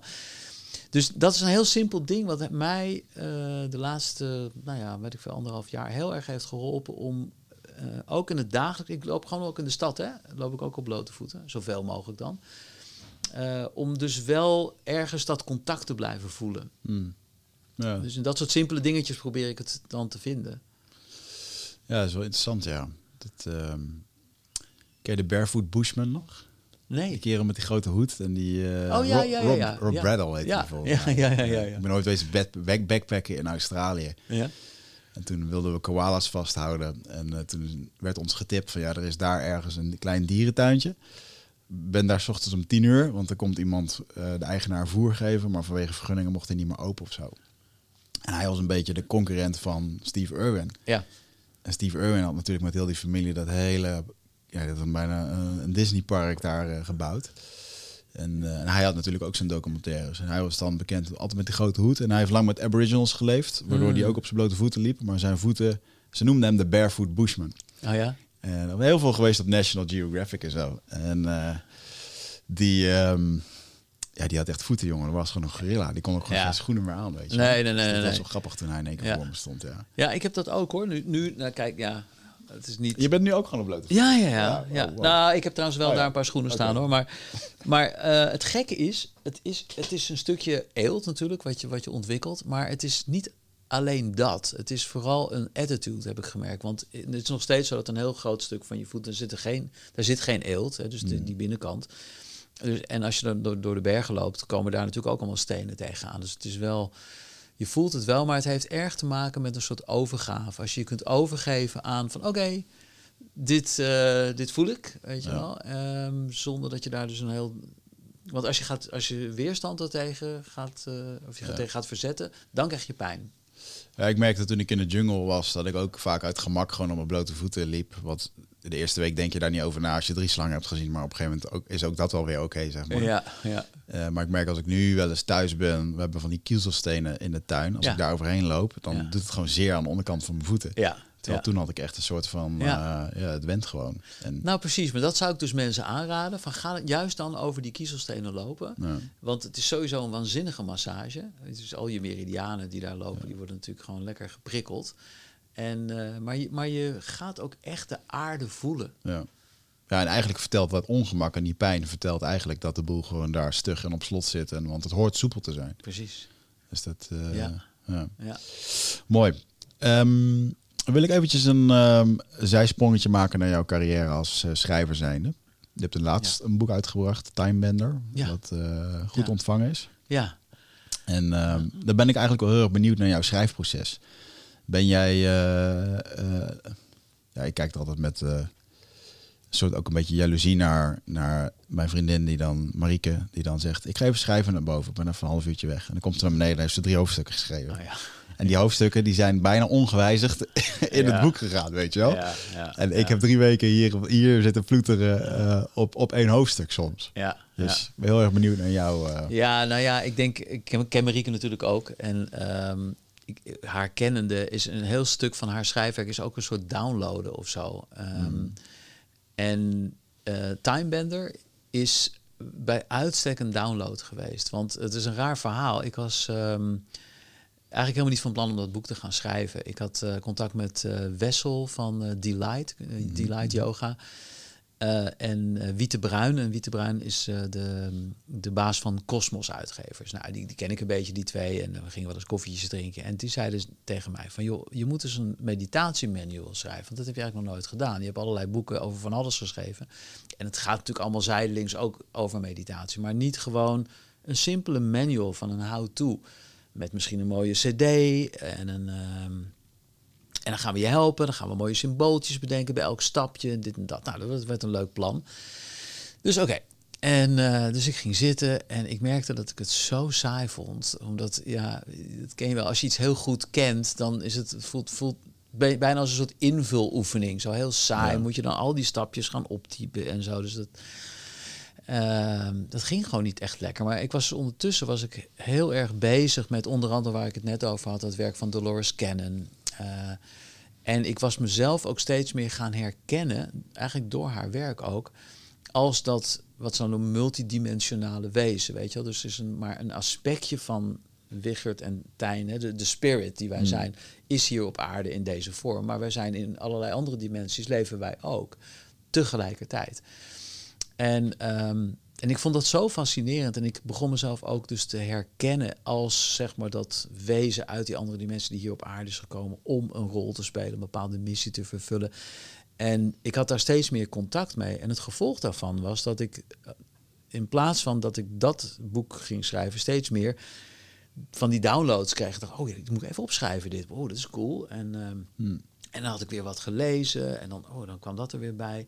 En eigenlijk gaandeweg verloor ik mijn interesse in die meditatiemanual. En kwam Timebender eh naar beneden, als het ware. Hmm. En Timebender, eh de titel Timebender zat ook al een tijd in mijn hoofd. Waar dat vandaan komt, weet ik ook niet. Dat zal dan ook wel een soort inspiratie zijn geweest. Timebender, de man die de aarde kwam redden. En toen is dat eigenlijk een proces geweest van, ik denk drie maanden of zo, dat ik me min of meer toen wel heb opgesloten in dat bootje. Waar, waar ik zat toen in een woonbootje, Ja. eh, was ik aan het schrijven. Ehm, en toen was het af. En ik had echt zoiets van, wauw, wat een boek. Het is echt te gek. Ook echt zo van, ik moet dit zelf eens gaan lezen. Want dit is, weet je wel, bijna zoveel afstand had ik tot, tot Oh, wauw. dat wat daar stond. En toen ben ik de, nou, het was klaar. En toen had ik dus eh, Wiet de Bruin eh, een, het manuscript toegestuurd. En eh, meteen de volgende dag, en ik had het denk ik één uur, of, ja, denk ik een minuutje of één naar hem toegestuurd. En de volgende dag, s'morgens belde hij me op, ik moet je spreken. Dus ik dacht, nou, die gaat het uitgeven. Dat kan niet anders, weet je wel. Uh, want hij zei ook dat hij het gelezen had. Hij had gewoon de hele nacht doorgelezen. Dus ik denk, nou, dat is te gek. Kan niet, dat, dat, dat wordt hem. En hij zei echt van, ja, hij zei, ik vind het een te gek boek, maar ik kan dit niet uitgeven. Dit is gewoon te weird. Dit is gewoon hmm. te bizar eigenlijk. En ook, dat was nog het meest zorgelijke voor hem. Hij zei, het is een niche. Ja, dat hele buitenaardse gebeuren en zo. Ja, sommige nou ja, corona bestond nog niet, maar wat waarschijnlijk toen werd gezien als de wappies, hè? Mm. complotdenkers met de aluminium hoedjes. Die mensen vinden dit waarschijnlijk leuk, maar de meeste mensen niet. Dus ja, sorry Tijn, maar kun je niet alsnog die meditatiemanual schrijven? Nou, dat is oké. Toen heb ik het naar AW Bruna gestuurd. Dat was, dat was eigenlijk mijn uitgever, maar ik had inmiddels mijn contract van zes boeken vervuld. Dus we hadden niet meer een formele mm. werkverband. En precies hetzelfde verhaal. Ook de volgende dag moet je spreken. Nou, en, uh, maar hetzelfde dus ook van, ja, helemaal te gek, maar ja, te bizar. En, uh, dus toen heeft het een tijdje op de plank gelegen. Dacht ik, ja, moet ik er nou mee? En uiteindelijk dacht ik van, ja, dit, dit moet gewoon de wereld in sowieso. Dus dan ga ik het gewoon zelf uitgeven. En achteraf gezien ben ik daar heel blij mee. Ja. Omdat de uitgeverswereld is natuurlijk heel erg veranderd. Hè? Er heel veel boekwinkeltjes zijn omgevallen. En uh, ja. ja, je kunt het gewoon beter zelf doen op dit moment ja, ja, als je dat goed aanpakt, uh, ja, ja. Ik dat beamen, ja. ja. Ja, nou ja, dat, dat, dat, dat gaat hartstikke goed. Um, en uh, er zijn er nu, wat hoorde ik nou laatst, 25.000 verkocht inmiddels. Dus dat gaat, uh, dat gaat hartstikke goed. Ja. Hij is nu ook in Duitsland uit. En, maar ja, ik denk misschien voor de, de, de, Ik ga er niet vanuit dat mensen dit allemaal gelezen hebben. Maar waar, waar Timebender over gaat, en dat is denk ik het, het interessante misschien van dat boek is um, dat wij um, in een nou ja, gelaagd universum leven. Dus dat wij, wij zitten in een bepaalde frequentie. Hè? Dat zal iedereen herkennen, een bepaalde bandbreedte. Dat is eigenlijk net als een radio waar je op afstemt. En buiten die bandbreedte kun je niet waarnemen. Mhm. We weten wel dat het er is. De wetenschap weet ook wel dat er veel meer is natuurlijk. Maar ja, wat dat is, dat kunnen we niet waarnemen... omdat we gewoon in een bepaalde golflengte zitten. Ja. Maar op het moment dat je bijvoorbeeld door meditatie of door ayahuasca of door paddenstoeltjes of door eh, nou ja, andere middelen of, of gewoon in, innerlijke processen, dan, nou dat herken jij natuurlijk ook, dan ga je ineens andere werkelijkheden waarnemen. Ik van, oké, wauw, weet je wel. En andere planeten misschien wel. En dat, dat hele gebied eigenlijk is toen voor mij open gegaan, zou je kunnen zeggen. Niet dat ik er alles van weet hoor, maar in ieder geval stukken ervan heb ik heel duidelijk gezien. En um, wat ik met name ook begon te zien, is dat de aarde, dus de plek waarop wij leven op dit moment, uh, in troublesome times is. Weet je. Het is een hele zware tijd voor ons. Um, de, de hogere spirituele rassen, zou je kunnen zeggen, die noemen de aarde op dit moment ook wel echt de allerdonkerste planeet. Hmm. Het afvoerputje van het universum noemen ze dat ook wel. En dat betekent niet, want dat, toen ik dat voor het eerst hoorde, had ik echt zoiets van: Jezus, ik dacht dat ik al een end was of zo met mijn spirituele ja, ontwikkeling. Ja, toch? Ja, dat Jij ook, toch? En uh, nou zitten we gewoon, ja, nog niet eens op de kleuterschool eigenlijk, weet je wel. Hmm. Maar zeiden ze: Ja, maar juist het feit dat jij en ik hier nu naartoe gekomen zijn, vrijwillig, bewust, al ben je dat vergeten op het moment dat je incarneert, snap je dat niet meer, weet je dat niet meer betekent dat je eigenlijk zo'n groots wezen bent dat je de moed hebt gehad om hier naartoe te komen om te helpen, hmm. de frequentie te verhogen. En dat is het werk van Dolores Cannon dus onder andere, maar inmiddels veel breder verspreid. Um, er is in het universum een wet, een hele belangrijke wet, dat je niet mag ingrijpen in de ontwikkeling van een volk, van een ras. Hmm. Want we moeten allemaal onze eigen lessen leren. dus je kunt wel bij, bij, in Star Trek komt dat bijvoorbeeld voor. Dat heet dan de Prime Directive. dus als, je, als zij dan uh, met, met de Enterprise op een planeet komen waar mensen nog, laten we zeggen, met pijl en boog bezig zijn, dan mogen ze niet hun spaceship laten zien. Want dat is gewoon een soort van. Ja. Dat kan niet, weet je wel. Dat is een soort van. Gooit de boel nog meer de war. Ja, dus en dan, dan gaan ze dat spaceship aanbidden of zo. En, maar zij moeten dus door hun eigen evolutionaire fase zijn gaan. En dus er mag niet ingegrepen worden. Want ieder wezen heeft vrije wil. Dat is heel belangrijk. Maar uh, als een bepaald ras of een bepaalde planeet zichzelf zodanig in gevaar brengt dat het ook nog eens een gevaar voor de hele kosmos gaat opleveren. Bijvoorbeeld als wij atoombommen gaan ontwikkelen, wat we dus zeg maar, zijn gaan doen in de aanloop naar de Tweede Wereldoorlog, dan gaan ze opletten. Hmm. Ze bedoel ik dan rassen die in wat hogere dimensies zitten. Omdat als wij echt met atoombommen gaan spelen, dan heeft dat een ripple effect op de hele kosmos. Dus dat is ook het moment waarop je dus ziet dat buitenaardse echt een rol zijn gespeeld. Er zijn veel sightings, UFO's, crashes, uh, dat soort dingen. En, um, en er is dus op een gegeven moment, dat vind ik zelf het, het fascinerende. Uh, werd het, gaat het eigenlijk nog steeds van kwaad tot erger hier op aarde? Dat zie je nu ook. Echt de, de dark side, als je dat even zo mag noemen, of het onlicht, hè, zoals Christina dat noemt, is meer dan ooit aanwezig. En er is dus op een gegeven moment is er nagedacht in hogere echelons van oké, hoe gaan we dit aanpakken? Want die gasten gaan, het wordt steeds erger en er moet wel iets gebeuren, maar we mogen niet ingrijpen. Weet je wat? We hebben een goed idee. In plaats van van buitenaf in te grijpen, gaan we, in, gaan we dus zielen met hoge frequenties laten incarneren hmm. in menselijke vormen. En dat was niet de eerste keer. Jezus eh, of Boeddha, eh, er zijn wel meer. Eh, dat is al eerder geprobeerd, maar nu op grote schaal. Uh, verschillende generaties. In totaal drie generaties. De kinderen van nu, jouw kind, Lea heet toch? Mm Zal ongetwijfeld zo'n kindje zijn, weet je wel, met een soort ander, bijna ander DNA, die gewoon op deze planeet komt om iets te brengen. En um, dus dat is een soort paard van Troje. Mm. Uh, we zien eruit als gewone mensen, maar wat we gemeenschappelijk hebben, en de luisteraars zullen dit herkennen, uh, is dat we op de een of andere manier allemaal enorme aanpassingsproblemen hebben gehad. Uh, heel vaak hebben we gedacht van wat doe ik hier? Wat is dit voor planeet? Niet misschien letterlijk zo, maar niet kunnen functioneren in een schoolsysteem, niet kunnen functioneren binnen een familie. Altijd een beetje de oddball, een beetje de vreemde eend in de bijt, niet snappen waar, mensen enthousiast over worden, terwijl jij ziet van ja, maar. En um, wat er nu aan het gebeuren is, is dat die uh, generaties echt wakker aan het worden zijn. Dus dat is het awakening process. Hmm. Dat we ons aan het realiseren zijn van, oh ja, maar dat is wie wij zijn. En op het moment dat wij wakker worden voor wie we werkelijk zijn, gaat dat ook aan, als het ware. En daarmee helpen we dus de, alle bewoners van de aarde om in een hogere frequentie te komen.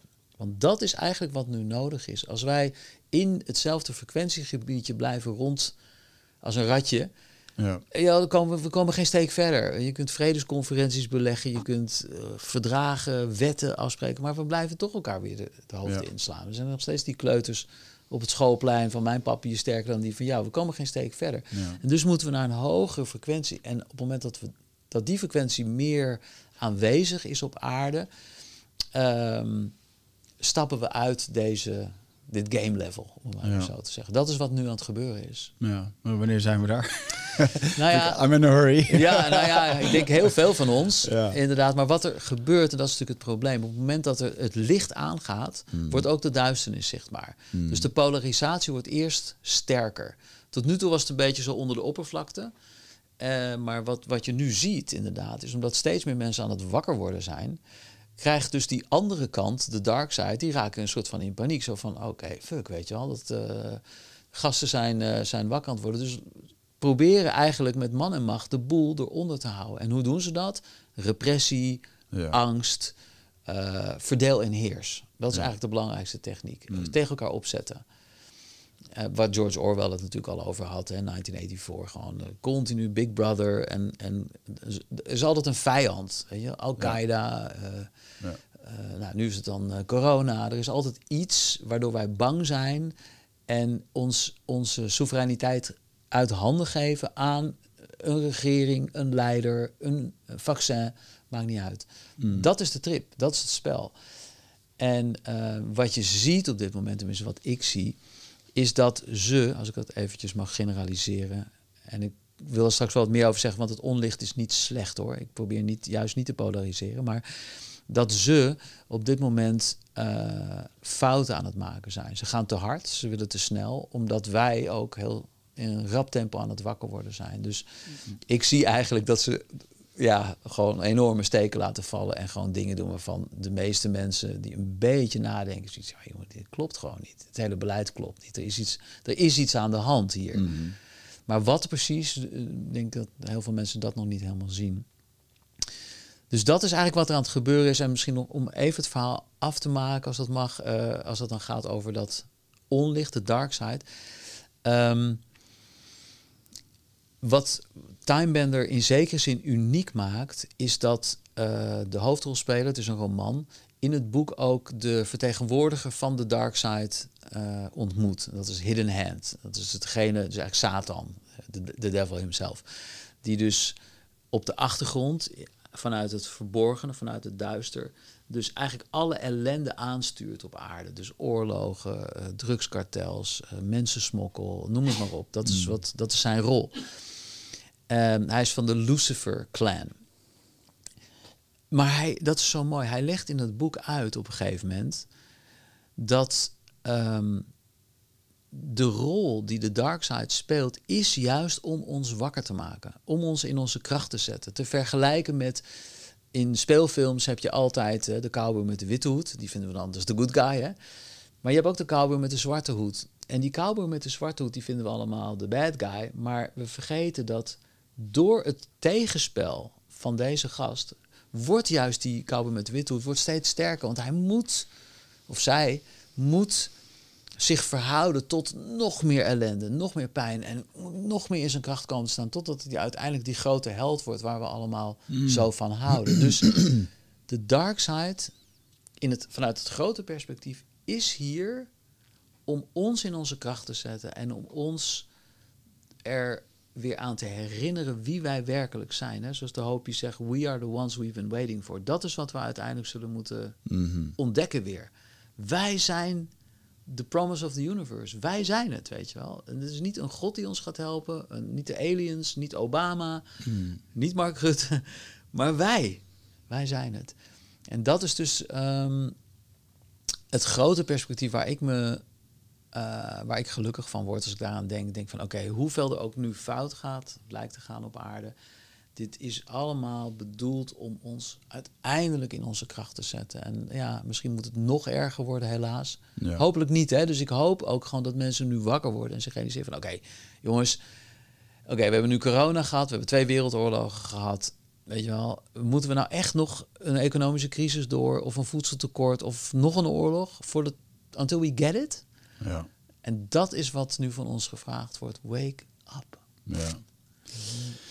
Wie zijn ze? Want als ik met mijn um, nuchtere vrienden hierover praat, dan krijg ik nog weer. Denk jij nou echt dat ze ergens in een kamertje met z'n allen besluiten uh, dat er dit of dat gaat gebeuren in de wereld? En dan denk ik, nou ja, in sommige dingen zeker wel.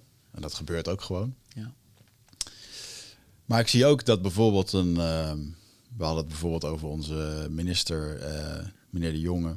Ik denk dat hij echt in een, in een bepaalde koker terecht is gekomen. Ik vraag me af of dat hij zelf weet dat hij erin zit. Ja. En natuurlijk zit iedereen zo in zijn eigen koker. Wij ook op onze eigen manier. Ja.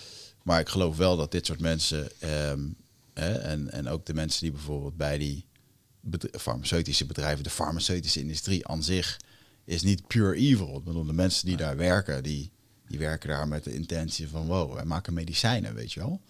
Dus ik vind het heel erg lastig om dan te zeggen van ze... Wie, wie is ze? Heb jij daar een eh, visie op? Ja, ik heb er wel een beeld bij. Um, dan moeten we even de geschiedenis in. Um, er is ooit, als je naar de geschiedenis van de aarde kijkt, is er een periode geweest waarin, en dat wordt in, in alle, bijna alle heilige geschriften, wordt dat beschreven als een soort van het paradijs op aarde. De mm. tuin van Ede, de tuin van Allah, uh, Satyuk, de gouden tijd. En um, Um, en toen is er iets gebeurd waardoor wij uh, uit het paradijs werden geflikkerd uh, door God.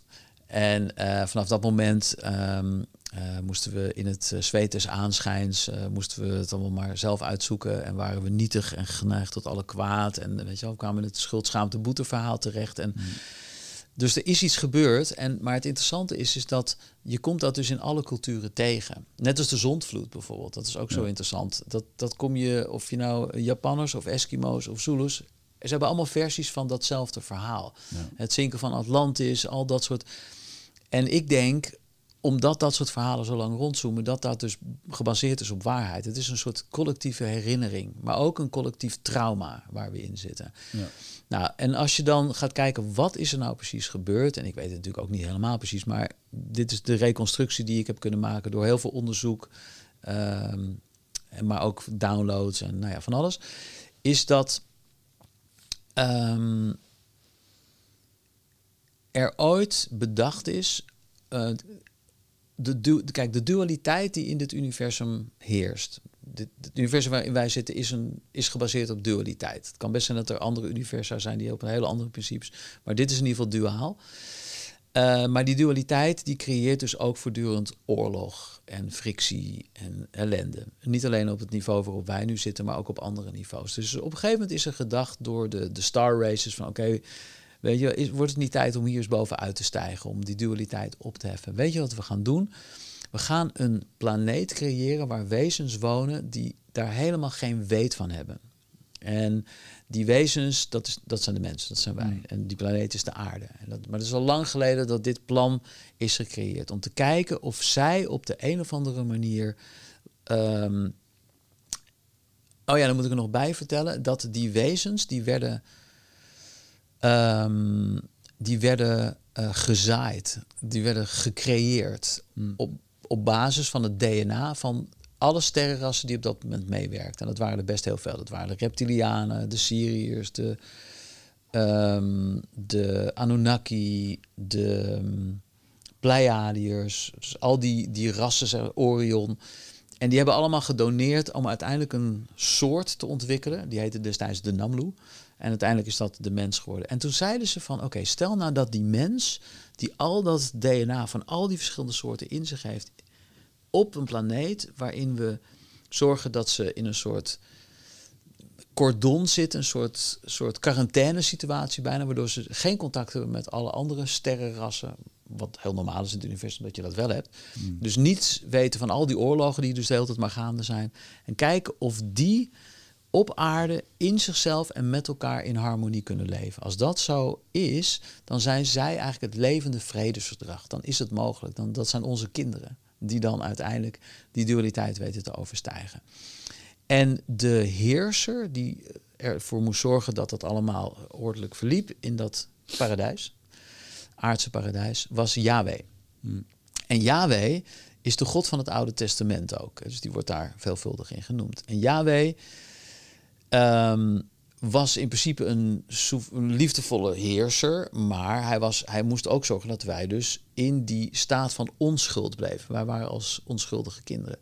En toen op een gegeven moment is er ingegrepen van bovenaf, omdat ze zeiden van ja, oké, dat is wel een leuk experiment dit, maar eigenlijk is het niet eerlijk, want elk wezen dient zichzelf te mogen ontwikkelen.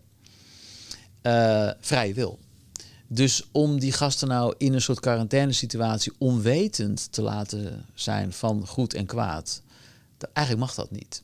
Dus, en, de en er is dus dan geen ontwikkeling, want er is geen keus. Dus ja, we werd op een bepaald moment ook voor de keuze gesteld van oké, er moet nu ontwikkeling gaan komen. Dus we gaan dualiteit toch introduceren in de hoop dat zij gaan kiezen en samen die dualiteit dan weer gaan overstijgen. Nou, hmm.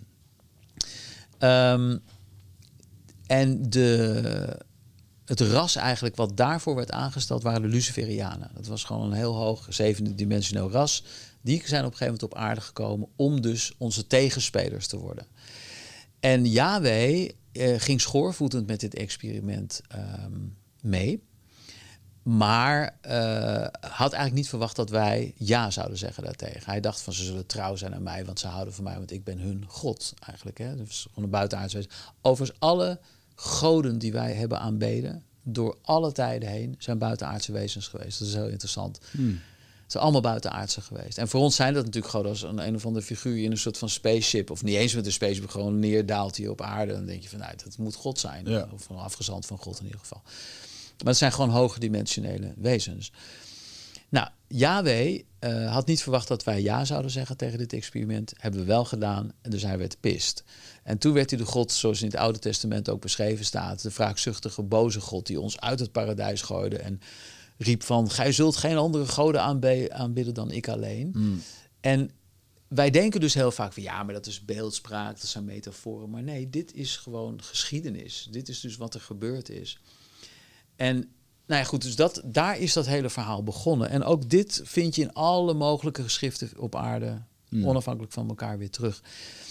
En nou ja, de erfenis daarvan, dus uh, fast forward waar we nu dan ongeveer zitten, is dus dat er een groep hele bewuste wezens is met vanuit een hele hoge frequentie die weet onze taak is om negativiteit op aarde te creëren, juist om jullie wakker te maken. Dit is hmm. ons offer van liefde. Dit is liefde. En daarvoor gebruiken zij een hele stoet gasten die vatbaar zijn voor, nou ja, weet je wel, positie, macht, geld, um, en dat zijn, nou ja, die worden met allerlei namen worden die aangeduid. Illuminati of uh, de Shadow Government of zo. En omdat het dus een piramidaal gebeuren is, mhm. weten dus mensen op die onderste niveaus weten eigenlijk niet. Het zijn allemaal geheime genootschappen ook, weet je. Dus de, de topgasten die weten, die snappen hoe het zit. Maar alles daaronder in afnemende mate weten mhm. eigenlijk niet waar ze mee bezig zijn. En worden dus aangestuurd eigenlijk door de, de spider at the top. En kijk, wat ik het fijne hiervan vind, of, of, het, weet je, of het nou waar is of niet, maar het fijne is, is dat je dan uh, eigenlijk toch weer uitgaat van een liefdevol universum, waarin uiteindelijk, en volgens mij is dat de oplossing om hier uit te komen, dat we de mensen die ons dit aandoen, gaan bedanken voor de geweldige rol die zij al eeuwen spelen door ons voortdurend dwars te zitten. Dus de Hitlers, de Stalins, uh, maar dus ook Satan, uh, George Bush, al die gasten hebben hun rol gespeeld om ons te brengen waar we nu zijn. Dat we kunnen zeggen, thank you. But hmm. it's enough now. Weet je, we get it. En um, dan, stop je, dan stap je uit het systeem. Dan ben je dus niet meer aan het vechten tegen Hugo de Jong of uh, whoever. Uh, je bent ook niet in ontkenning, wat ook heel belangrijk is. Nee, all is good. En uh, nee hoor, het, uh, ja. dat, is ook, dat is ook niet waar, want het is niet all good. maar er komt een volwassenheid waarin je zegt van oké, ik snap het. En, maar ik stap er ook uit nu, want enough is enough. Ja, ja. En het, het uitstappen, dus is eigenlijk wat je nu als boodschap zou hebben, dan is gewoon om uit het systeem te stappen voor ja. zover. En dat kan dan gewoon al betekenen dat je er bewust van wordt ja. En gewoon denkt van ja, maar dit, dit, dit is één dit. Right. En er zijn eigenlijk drie stappen waar je doorheen gaat uh, in, uh, in dat ontwakingsproces. Het eerste is wat wel eens wordt genoemd wake-up. Mm het al over gehad. Hè? Dus dat je bewust wordt van oké, in welke realiteit leef ik eigenlijk? En dan bedoel ik niet per se alleen maar de realiteit om ons heen, maar je innerlijke realiteit. Wat is eigenlijk het verhaal wat wij onszelf vertellen over wie wij zijn? Weet je wel? Daar zit dus een heel stuk uh, schuldschaamte, boete verhaal in. De mensen slecht, zondig, niet te geneigd ook. Dat zit heel diep in ons DNA. Daar moeten we wakker voor worden. Wake up, watch your thoughts. Wat denk je allemaal, weet je? Nou, meditatie helpt daarbij, uh, ayahuasca helpt daarbij. Uit de patronen stappen, de waarnemer weer worden en terugstappen in je, in je kern. De tweede stap is clean up. Dus de eerste is wake up, de tweede is clean up. Dus oké, al die shit die we bij ons dragen, al die verwond, verwondingen, de, de schaduw. Mm. Uh, word je daarvan bewust en, en ruim het op.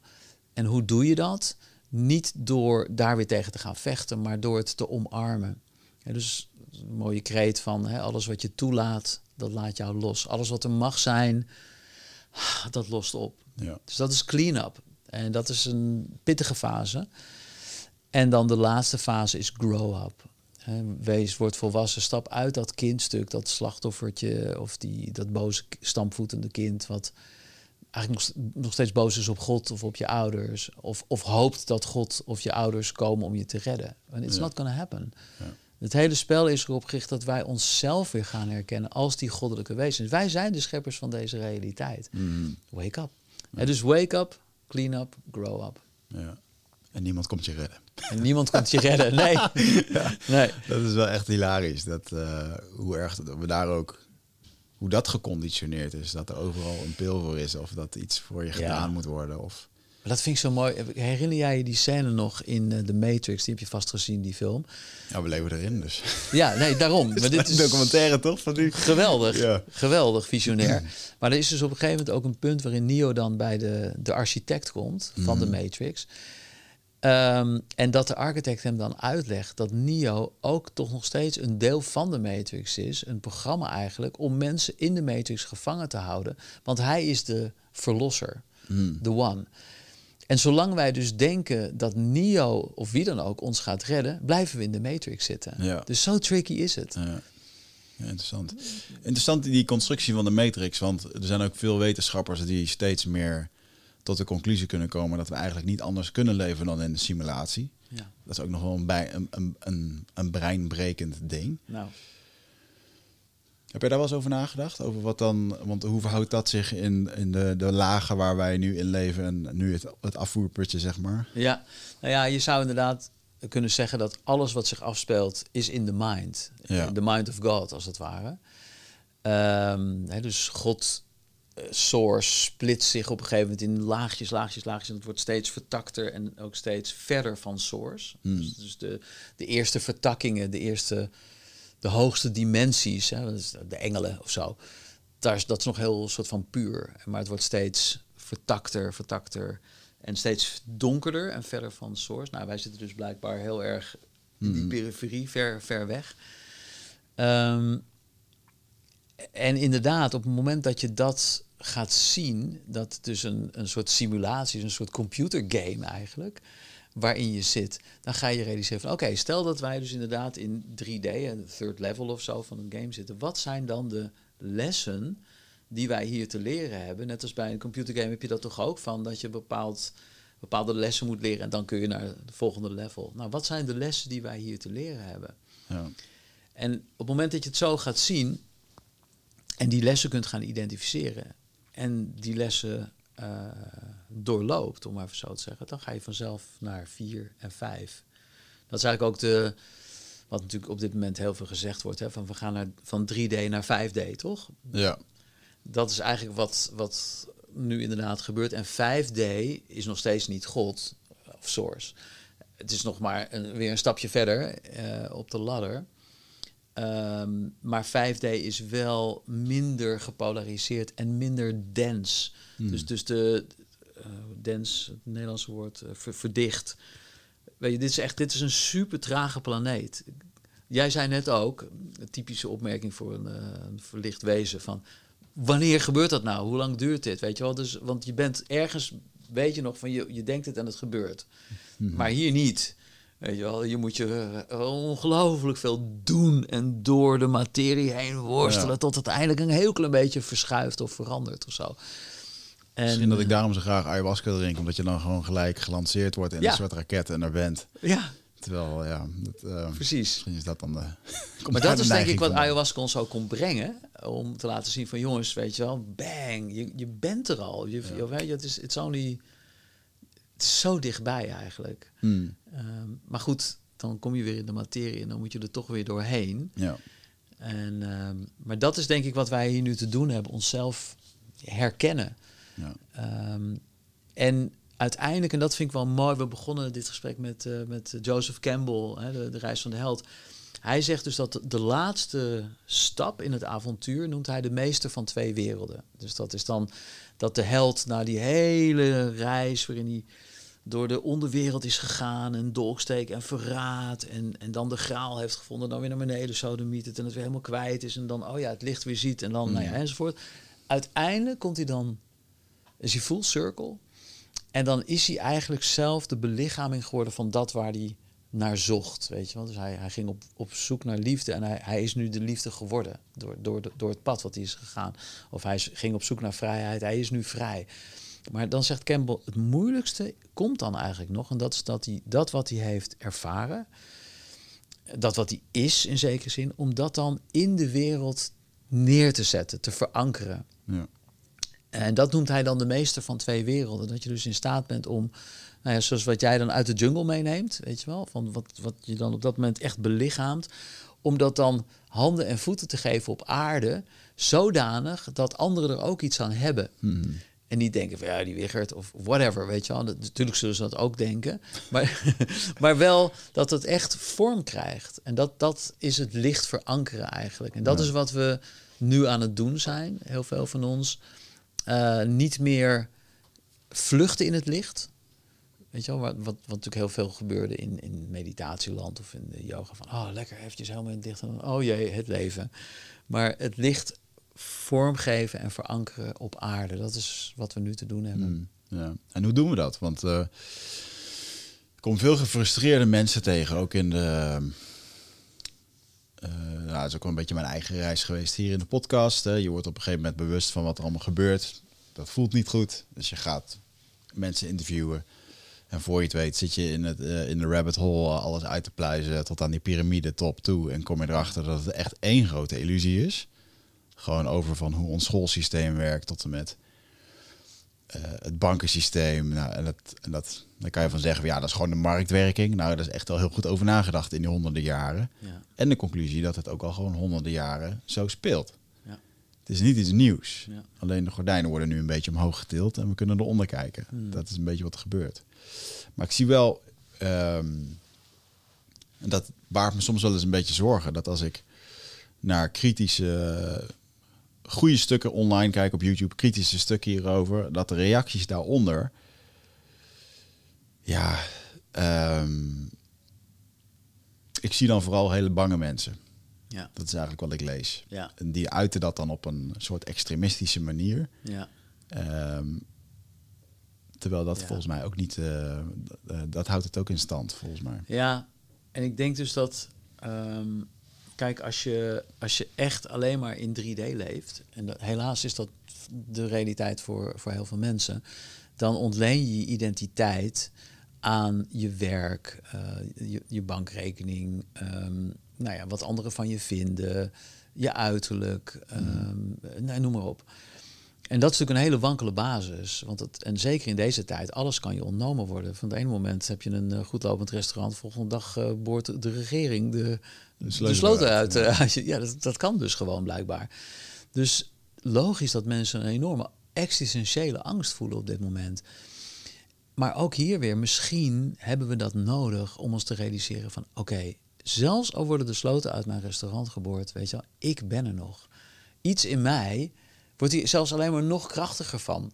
Want, hmm. want ik moet wel, want anders ga ik dood. Weet je, het is of bij de pakken neerzitten en denk van, nou, het is gewoon een waardeloze kutwereld dit. En uh, nou ja, dit wordt nooit meer wat. En dan word je hopeloos en defatistisch en fatalistisch en zo. Of je komt juist in je kracht te staan en je gaat uit een ander vaatje tappen. Hmm. En dus het, het, ja, het is een ontzettende spannende tijd wat dat betreft. Die, die twee kanten zijn zo zichtbaar. Je ziet mensen ineen krimpen en, en helemaal. En je ziet mensen in hun kracht komen te staan. Want ik eerlijk gezegd, door, door corona heb ik heel veel mensen juist zichzelf uh, opnieuw zien uitvinden of zo. Hmm. Uh, die dan enorm in hun kracht komen te staan ineens. En, en uh, verborgen kanten ehm, hebben ontwikkeld van zichzelf. Dus ik denk, ik denk dat dat is iets wat we op dit moment uh, zien. Dus die twee kanten, uh, de polariteit eigenlijk wordt heel zichtbaar. Hij is er altijd al geweest, maar hij wordt nu heel erg zichtbaar. Ja. En, gevoerd, meer dan ja, ooit. Ja, ja, ja. Gevoel. Absoluut. Dus het wordt, het wordt uh, nou ja, wat ik al zei, dus de, het onlicht doet er alles aan om, om nog meer angst, nog meer repressie, nog meer censuur. Maar ik ervaar het als paniekvoetbal. Ik ervaar het als van, ze weten eigenlijk van dit is reddeloos. Weet je wel, de mensheid is nu zo ver. Althans een heel groot gedeelte. En je hebt ook maar een bepaald percentage nodig. Hè? Dat is, hmm. De hele mensheid hoeft niet wakker te worden. Elke paradigmaverschuiving door de eeuwen heen. is altijd maar een vrij klein groepje wat wakker wordt. En destijds uh, werd dan uh, gezegd, uh, we dachten natuurlijk dat de aarde plat was. Denken we nu weer trouwens veel mensen, maar goed, de aarde plat. En op een gegeven moment zegt iemand van ja, maar wacht eens even, ik heb er eens goed over nagedacht, maar volgens mij is hij rond. Weet je, nou, die persoon overleeft dat nauwelijks natuurlijk, of niet. Mhm. En dan zo een paar jaar later zijn het er tien, weet je, die zeggen van nou, hij had toch wel gelijk, weet je wel. Dan, die overleven het nog net. En dan op een gegeven moment groeit dat, groeit dat. En dan krijg je een, het is een heel vreemd moment, en zo, dat heet dan een paradigmaverschuiving, dat de 100, 100 apen, 100 plus 1, kritische massa. En ineens weet de hele wereld van de ene dag op dat, ja, tuurlijk is de aarde rond. Ja. ja, hoezo? Maar gisteren dacht iedereen nog dat het niet zo was. Maar vandaag... Dus zoiets is er nu aan het gebeuren, denk ik, van...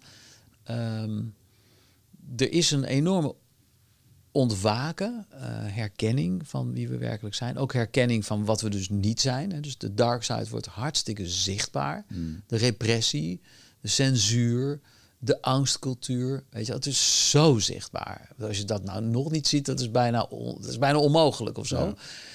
Maar dat heeft dus. Het goede daarvan is dat je, dat je dus echt nu ziet van oké, maar daar leven we dus eigenlijk al heel lang in. Hmm. Maar het wordt nu heel zichtbaar. Hoe ga ik me daartoe verhouden? Ga ik nog meer in de angst? Uh, ga ik hopen dat ja, eh, Hugo de Jong me dan wel gaat redden... of de farmaceutische industrie of god weet wie? Of ga ik me realiseren van jongens, maar die leven al heel lang in. Hoe komen we hier nou eigenlijk uit? Maar echt uit, weet je wel? Ja, dat is dus niet iemand die dat voor mij gaat doen. Maar ik ben het eigenlijk. Ik ben degene die hier uit kan stappen. En als ik eruit stap, dan geef ik onbewust anderen uh, toestemming om dat ook te doen. Wat, wat Mandela zo mooi zei in die inaugurele reden van Marion Williams, wat hij zei van uh, je, je, je, doet niemand een plezier ermee door jezelf klein te houden. En, uh, en door in je licht te gaan staan en je licht te laten schijnen, geef je anderen onbewust ook toestemming om dat te doen. Ja. Dat is eigenlijk wat we aan het doen zijn. Dus je hoeft de wereld niet te redden. Red jezelf. Ga zelf in je licht staan. Stap uit het systeem. Smile. Die glimlach is super belangrijk. Weet je wel, lach, glimlach om Hugo de Jonge en het hele verhaal. Ga niet vechten. Maar denk gewoon van, oh Hugo, wat speel jij een mooie rol. Wauw man. Ik geloofde het echt een tijdje. Nu niet meer. Maar weet je wel, mm. heel goed gespeeld. Bedankt nog. dat je, ja, en dan, maar dan ben je er. Ja. Dan ben je eruit. Want dan sta je er boven in zekere zin. En, mm. en maar, of niet boven in de zin van, uh, weet je, dat je erop neerkijkt, maar meer van, oh gossie, dat is compassie. Mm. ook Hugo de Jong, weet je wel, verdient het om, ook hij wil omarmd. Ja, ook hij wil liefde, weet je. Ook hij is een aspect van Source die onze liefde verdient. Ja.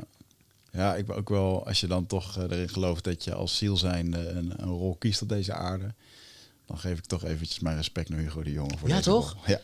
Nee, dat denk ik dan ook wel eens van. Wat was Hitler, Hitler thinking, weet je wel, om die hmm. rol te gaan spelen? Dat zoveel negativiteit. Uh, maar misschien in het grote verhaal uh, is hij, is hij uh, nou ja, ook een soort van onze verlosser. Zo van Jezus, weet je wel. Ja. Dat is dus mogelijk. Zo ver kan het dus gaan. Dat nooit meer. Dat is de kreet hè, die we dan steeds roepen. Dat nooit meer. Laten we hopen dat het inderdaad nooit meer hoeft. Nou, ik heb net dat boek gelezen van Edith Heger, De Keuze. Ja. En daar, daar, schrok ik. Dat is, echt schrikbarend over. Die gewoon als ballerina lekker wil uh, zichzelf wil ontwikkelen. En, en van, op een gegeven moment niet meer een restaurant mag. En dat een soort van uh, joods beding is dat dat niet meer mag. En uiteindelijk gewoon te horen krijgt van ja, je mag niet naar de Olympische Spelen, want iemand anders gaat. Maar ja, waarom dan niet? Ja, je bent joods, weet je wel. Oh. Ja, dat, Dus die heeft ook niet echt een keuze in. Onze Nederlandse Miss World mag nu ook niet naar de Miss World verkiezingen, want uh, ze heeft geen stempeltje. En dan kun je wel zeggen van ja, maar dat, het ene is etnisch en de andere kan je zelf kiezen, ja of nee. Maar je kan niet zeggen dat je hier niet een parallel tussen kan trekken. En het is niet exact hetzelfde, maar er is een parallel. Ja, dat denk en, ik ook. Um, ik vind dat wel echt een... Uh, als je dan kijkt dat dat proces 10, 12 15 jaar heeft geduurd voordat het allemaal zo uh, letterlijk ook nog uh, legaal geregeld werd, dat het ook nog zo mocht. Ja, wauw, dat is echt bizar. Ja, dat is, dat is ook iets wat ik laatst uh, van iemand hoorde inderdaad. Dat alles wat Hitler deed, was gewoon legaal. Ja. Je, je denkt, terugkijkend van die man heeft een soort koep georganiseerd en heeft heel veel mensen op een, een hele weet ik veel, onder druk gezet. Maar het, het was allemaal gewoon legaal. Ja. En, uh, en dat dat is inderdaad een parallel met deze tijd. Er gebeuren eigenlijk hele rare, uh, oh, vreselijke dingen eigenlijk. Maar het mag allemaal. Het is allemaal binnen de wet. Ja. En ik vind wel degelijk dat er inderdaad een, een parallel is. En um, ik denk ook dat deel van, uh, nou ja, wat Christina van Draaien dan het onlicht noemt, de, de strategie is dat we dat niet mogen benoemen. Want dat zie ik dan in het parlement. Elke keer als de mensen van het uh, Forum voor Democratie bijvoorbeeld die parallel uh, van stal halen. Van jongens, hey, we hebben dit eerder meegemaakt. En let op, want uh, toen liep het heel slecht af. En we zitten weer op datzelfde traject. Dan wordt er schande gesproken. Dan rent iedereen naar de interruptiemicrofoon van dit is kwetsend voor bepaalde bevolkingsgroepen. En ik van ja, maar juist ja. omdat we dat niet meer willen, juist omdat we die bevolkingsgroepen niet meer willen kwetsen, laten we het gewoon benoemen. En dat is ook waar ik het net over had. We moeten ook de schaduw onder ogen zien. Ja. Ik, snap, ik snap niet dat uh, die andere politici niet kunnen zien. Wat je kunt vinden van vormen van democratie wat je wil, of van redenen of dingen die daar gebeuren. Maar eigenlijk zeggen ze met die, bijvoorbeeld gisteren ook zo'n motie over dat we nooit in Nederland zo'n sociaal kredietsysteem gaan krijgen als in China. Eigenlijk wat ze daar zeggen van jongens, wij willen dit gewoon niet. Hier zijn we bang voor. Ja. Laten we dit alsjeblieft niet doen. En dat dan gewoon zo'n motie, zo'n motie verworpen wordt. Ja. En ik heb gisteren, dat vond ik op zich ook alweer een goede, want uh, ik zat ooit eens een keertje in een clubhouse sessie. Um, met een antropoloog, Jitske Kramer. Die was hier toen ook lekker in de podcast geweest. En eh, het was helemaal in die coronatijd. En er zaten er, op een gegeven moment had ik een clubhouse over mijn boek. En vervolgens zat ik aan het eind van de avond met allerlei mensen te, te kletsen over wat er nu gebeurt. En er zat ook een directeur van het ziekenhuis bij. En allemaal hoge pieven waarvan ik dacht, die moet ik eigenlijk in mijn podcast hebben. En er zat één iemand bij en die zei het wel heel goed. En ik zei toen van, ik voel me niet begrepen door mijn overheid. En daarom heb ik het gevoel dat ze niks voor me doen. En toen zei hij ook wel terecht van, ja oké, maar wat heb jij nou daadwerkelijk gedaan uh, om jezelf te laten horen. Dus ja, ik heb natuurlijk mijn podcast en mijn dingen. Hij zei, ja, maar heb je wel eens gewoon echt eens eventjes een kernprobleem opgeschreven en heb je dat naar iemand toegestuurd van een politieke partij? Mhm. In plaats van dat je daar alleen maar over zeurt. ja. dat heb ik dus eigenlijk niet gedaan. Hij zegt, ja, dan, dan heb je ergens ook niet echt een recht van spreken. Hè? Want dan is het heel makkelijk om er wat over te vertellen. Toevallig gisteren bij deze motie heb ik echt het idee, of tenminste, dat ga ik ook gewoon doen. Ik ga zo een mooie mail maken en die ga ik gewoon sturen naar een aantal van die Kamerleden. Gewoon met dit verhaal van leg mij nou eens uit waarom je zo'n sociaal kredietsysteem, uh, waarom die motie, waarom die heb je die verworpen? Ja. Want is het dan omdat het, uh, ik heb nu al een aantal redenen gevonden dat sommigen willen er niet over stemmen omdat het niet van toepassing is in Nederland. Hmm. Maar ja, dat vind ik ook een beetje, ja. een beetje in het midden blijven. Ja. Ja wil je het er niet zien? Of zie je het echt niet? Geloof je er gewoon niet in? Die is ook nog heel sterk aanwezig volgens mij bij heel veel mensen. Ja. En dat, uh, ja, omdat toch gewoon eens... Ja, ik vind het heel sterk als je dat zou doen. En ik denk ook dat dat van ons gevraagd wordt. Want ook hier weer, we leggen de verantwoordelijkheid uh, voor het, ons leven eigenlijk bij nou ja, deze mensen in de Kamer neer. Zo van, nou, regelen jullie het? En als ze het regelen, perfect, weet je wel. Ik ben helemaal niet tegen een... Uh, ik ben sowieso voor democratie. Ik ben ook niet tegen verkiezingen. Maar als je ziet, zoals nu, dat ze een heleboel dingen dus niet meer voor je regelen. Of sterker nog, dingen aan het organiseren zijn die gewoon nou, hele bevolkingsgroepen gaan uitsluiten. En inderdaad, ik zie ook wat jij ziet van zo'n... Dat we toch richting China achtige uh, dingen toe gaan, ja, dan, dan is het wel aan ons, denk ik, om. We, we kunnen klagen van die, Hugo de Jong of zo, maar ja, we, inderdaad, wij moeten ook in actie komen dan. Ja. terwijl als je ieder, ja. nou ja, als, ik denk, dat vind ik ook zo bizar dat het referendum gewoon afgeschaft is. Ja. En dan heb je zo'n sociale partij, D66, wat echt gewoon overheid puur zang is, maar ja. Gewoon zo'n coronapaspoort. Nou, daar had ik wel eens met de bevolking over willen. Het was mij veel makkelijker afgegaan als 90% van de bevolking had gezegd... wij willen inderdaad dat paspoort. Ja. Nou, oké. Als iedereen het wil, dan ben ik die 10% die dat niet wil. Prima. Ja. Ja. Maar volgens mij was het niet zo gegaan. Nee. Weet je? En daar heb ik dan. Nou, dat heeft weer met informatie te maken. Van, je kunt eigenlijk denk ik ook pas goed ergens over stemmen als je ook goede informatie krijgt. Althans van, van, van beide kanten. Van beide kanten. En dat schort er op dit moment ook heel erg aan. Dat is iets wat mij ook heel erg zorgen baart. Ik denk van ja, waarom mogen ineens allerlei meningen er niet meer zijn? Ik, mm. en, en vooral in Nederland, weet je, ik bedoel dat dat in allerlei andere landen zo is. Nou ja, het is ook niet oké, maar ik dacht echt dat Nederland, ik dacht echt dat wij verder waren. Ja. Ik ben best wel teleurgesteld op een bepaald niveau. Mm ik dacht echt dat Nederland dat, dat kleine, dappere landje was van die uh, lekker een beetje vrijgevochten types. Zo van ik maak dat zelf al uit. Weet je wel. Um, alles mag, alles is ja, welkom. toch? Ja. We, we hadden, bedoel, die cultuur hadden wij ooit. Ja. En, maar de, ik kijk omheen en ik denk van waar is dat gebleven, joh? Maar daar merk ik in, dus als, ik, als, ik, als we dit gesprek voeren met mijn vrienden... en mijn beste vrienden luisteren niet naar mijn podcast, grappig genoeg... um, dat zij zeggen, maar ah, het valt toch allemaal mee. Dan denk ik, ja, maar ik heb hier op een gegeven moment met samen geknepen billen podcast zitten opnemen. Uh, omdat we waarschuwingen kregen van YouTube of dat uh, collega-podcasters op zwart werden gezet omdat ze gewoon spraken over bepaalde dingen. Ja. Uh, maar dat is dat dat niet in je wereld voorkomt, dus dat is echt heel erg lastig voor te stellen. Dat is gek, hè? Ja, precies. Het is niet voor te stellen, inderdaad. En, maar op het moment dat je het meemaakt, want ik heb het dus ook meegemaakt, je echt denkt van, wauw, dit, het komt nu wel heel dichtbij ineens. Hmm. Ja. Ja. Interessante tijden. Jij noemde net uh, jouw uh, vriendin uh, Christina von Draaien. Ja. Dat is een Zwitserse dame ja. die ook veel downloadt. ja, klopt. Ja, ja. Mooie boeken geschreven. Ja. En um, wat um, licht me, verlicht me eens over haar. Wat, ja. ja, zij is een, een 26 inmiddels. en zij is veel en veel te vroeg geboren. Zo vroeg, samen met haar tweelingzusje dat uh, artsen eigenlijk zeiden van nou, de, de kans dat die het gaan overleven is zo minimaal. Dat, dat zou echt een medisch wonder zijn. Nou, haar zusje is inderdaad overleden. Uh, maar Christina is blijven leven. En um, heeft daardoor wel een hele zware jeugd gehad. Ze heeft de eerste zeven jaar ook niet kunnen eten, bijvoorbeeld. Met echt met, met zondevoeding en zo. Dus dat is heel apart. Zij is nog steeds heel klein. Ze komt bij mij tot, tot mijn borst ongeveer. Um, zit ook een beetje raar in haar lichaam. Je merkt gewoon dat zij ja, nog niet helemaal op aarde is, om het maar even zo te zeggen. Hmm. Maar de andere kant daarvan is dat zij dus zo nog aangesloten is op die andere werkelijkheden. En net als uh, je hoort het wel eens van kinderen, toch? Dat ze nog steeds uh, vliegvriendjes hebben of, of, zich vorige hmm. levens nog kunnen herinneren en zo. Dat, dat jassen we er dan zo snel mogelijk uit. Zo, ja, doe normaal en zo.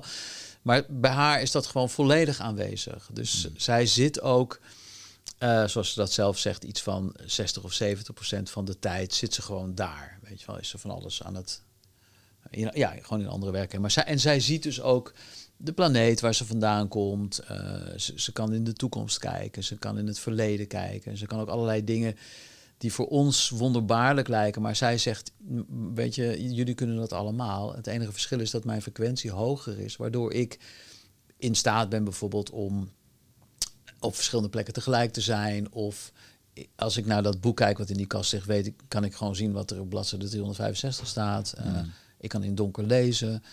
Allemaal dingen die, die wonderbaarlijk lijken, maar voor haar um, normaal zijn, omdat meer van haar DNA aanstaat. Dat is het ook hmm. eigenlijk. Hè? Gewoon als je eventjes op, die, op dat level bekijkt. Al dat junk DNA, rare term natuurlijk, maar dat staat bij haar veel meer aan. Dus zij is wel een mens, maar een, een, een, voorbeeld van hoe wij in de toekomst, hopelijk in de nabije toekomst, uh, zullen zijn. En um, nou ja, haar moeder, zij woont in een, in een heel klein bergdorpje in Zwitserland. En haar moeder die heeft, nou die begon op een gegeven moment gewoon te zien van, jezus, dat kind is zeven of acht. En die heeft het over heftige kwantumfysische processen en string theories. En die, ja, die legt even uit hoe het op een A4'tje hoe het universum in elkaar steekt en dat soort dingen. Dus die was uh, helemaal van wauw.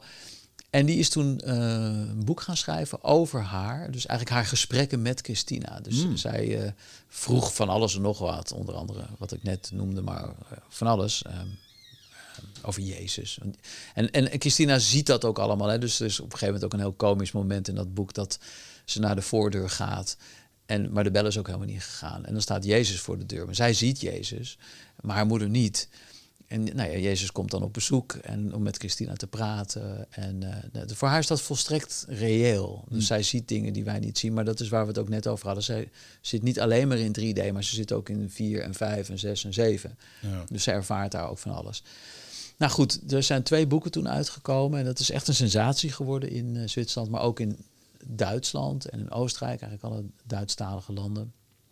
En, uh, ik weet niet precies hoeveel boeken, maar echt uh, honderdduizenden in ieder geval. En zij is toen ook seminars gaan geven, dit is nog net voor corona. En trok volle, volle zalen. En, maar haar boodschap is ontzettend simpel. Um, eigenlijk komt het erop neer van verhoog je frequentie herken jezelf zoals je werkelijk bent en vecht niet tegen het onlicht. Dat is wat zij, uh, zij noemt dat zo. Dus ga niet in de strijd. Maar, en dat vind ik ook wel heel mooi van haar boeken, zij is ook niet zo van, joh, het is all good en uh, mm. roos, roos geur en maneschijn. Nee, er is wel degelijk echt iets aan de hand op aarde. Hè. They are out to get you. En dus wees ook gewoon wel echt op je hoede. Bereid je voor.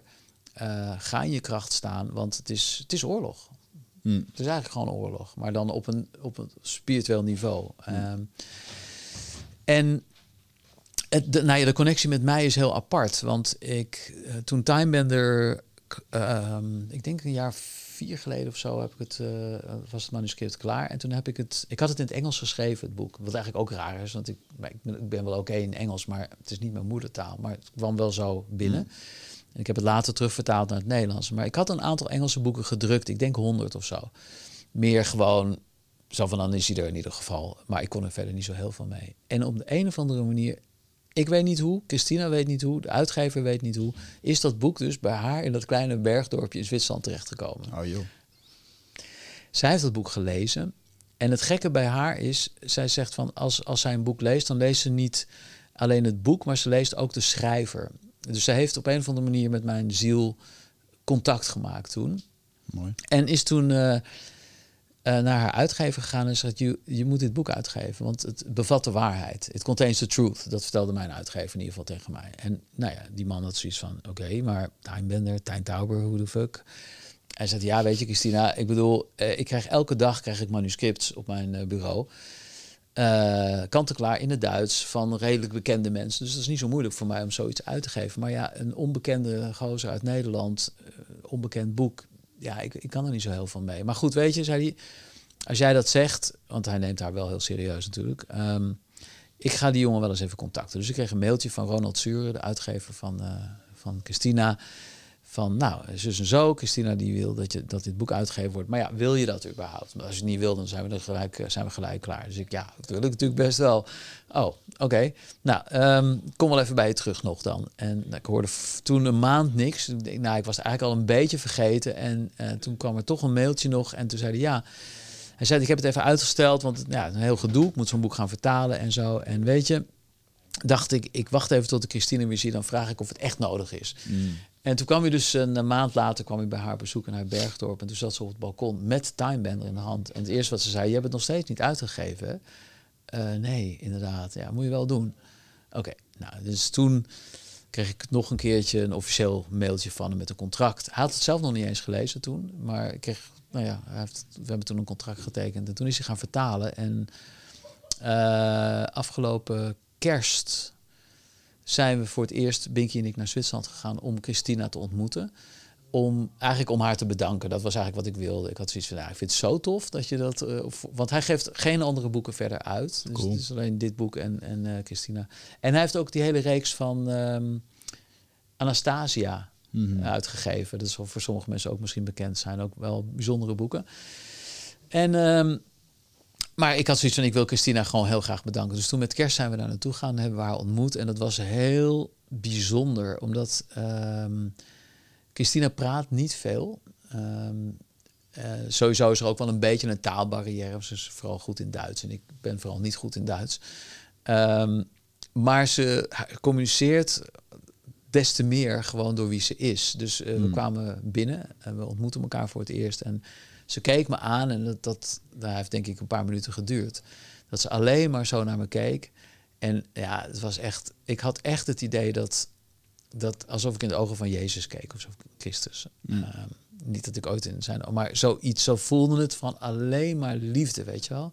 Zo erg dat ik ook echt gewoon op een gegeven moment bijna weg moest kijken van het is. Uh, ik voel het nu weer, ja, het is ja. gewoon, oh man, dat is nou ja, dus dat, dat. En toen zei ze van uh, we are family. We, uh, we are a star family. We came with the same purpose of opdracht of iets dergelijks. En, uh, en sinds die tijd ben nu denk ik vier keer of zo bij haar geweest. En ik kan niet zeggen dat we dikke vrienden zijn, want ze is gewoon te apart of zo. Mm. Maar ik ben wel hele, ik ben wel heel close met haar. En um, en ik ben ook heel goed bevriend geraakt met haar rechterhand, Nicola, is een vrouw. Die, uh, die eigenlijk alle haar zaken behartigt. Want Christina is echt zo'n wezentje wat...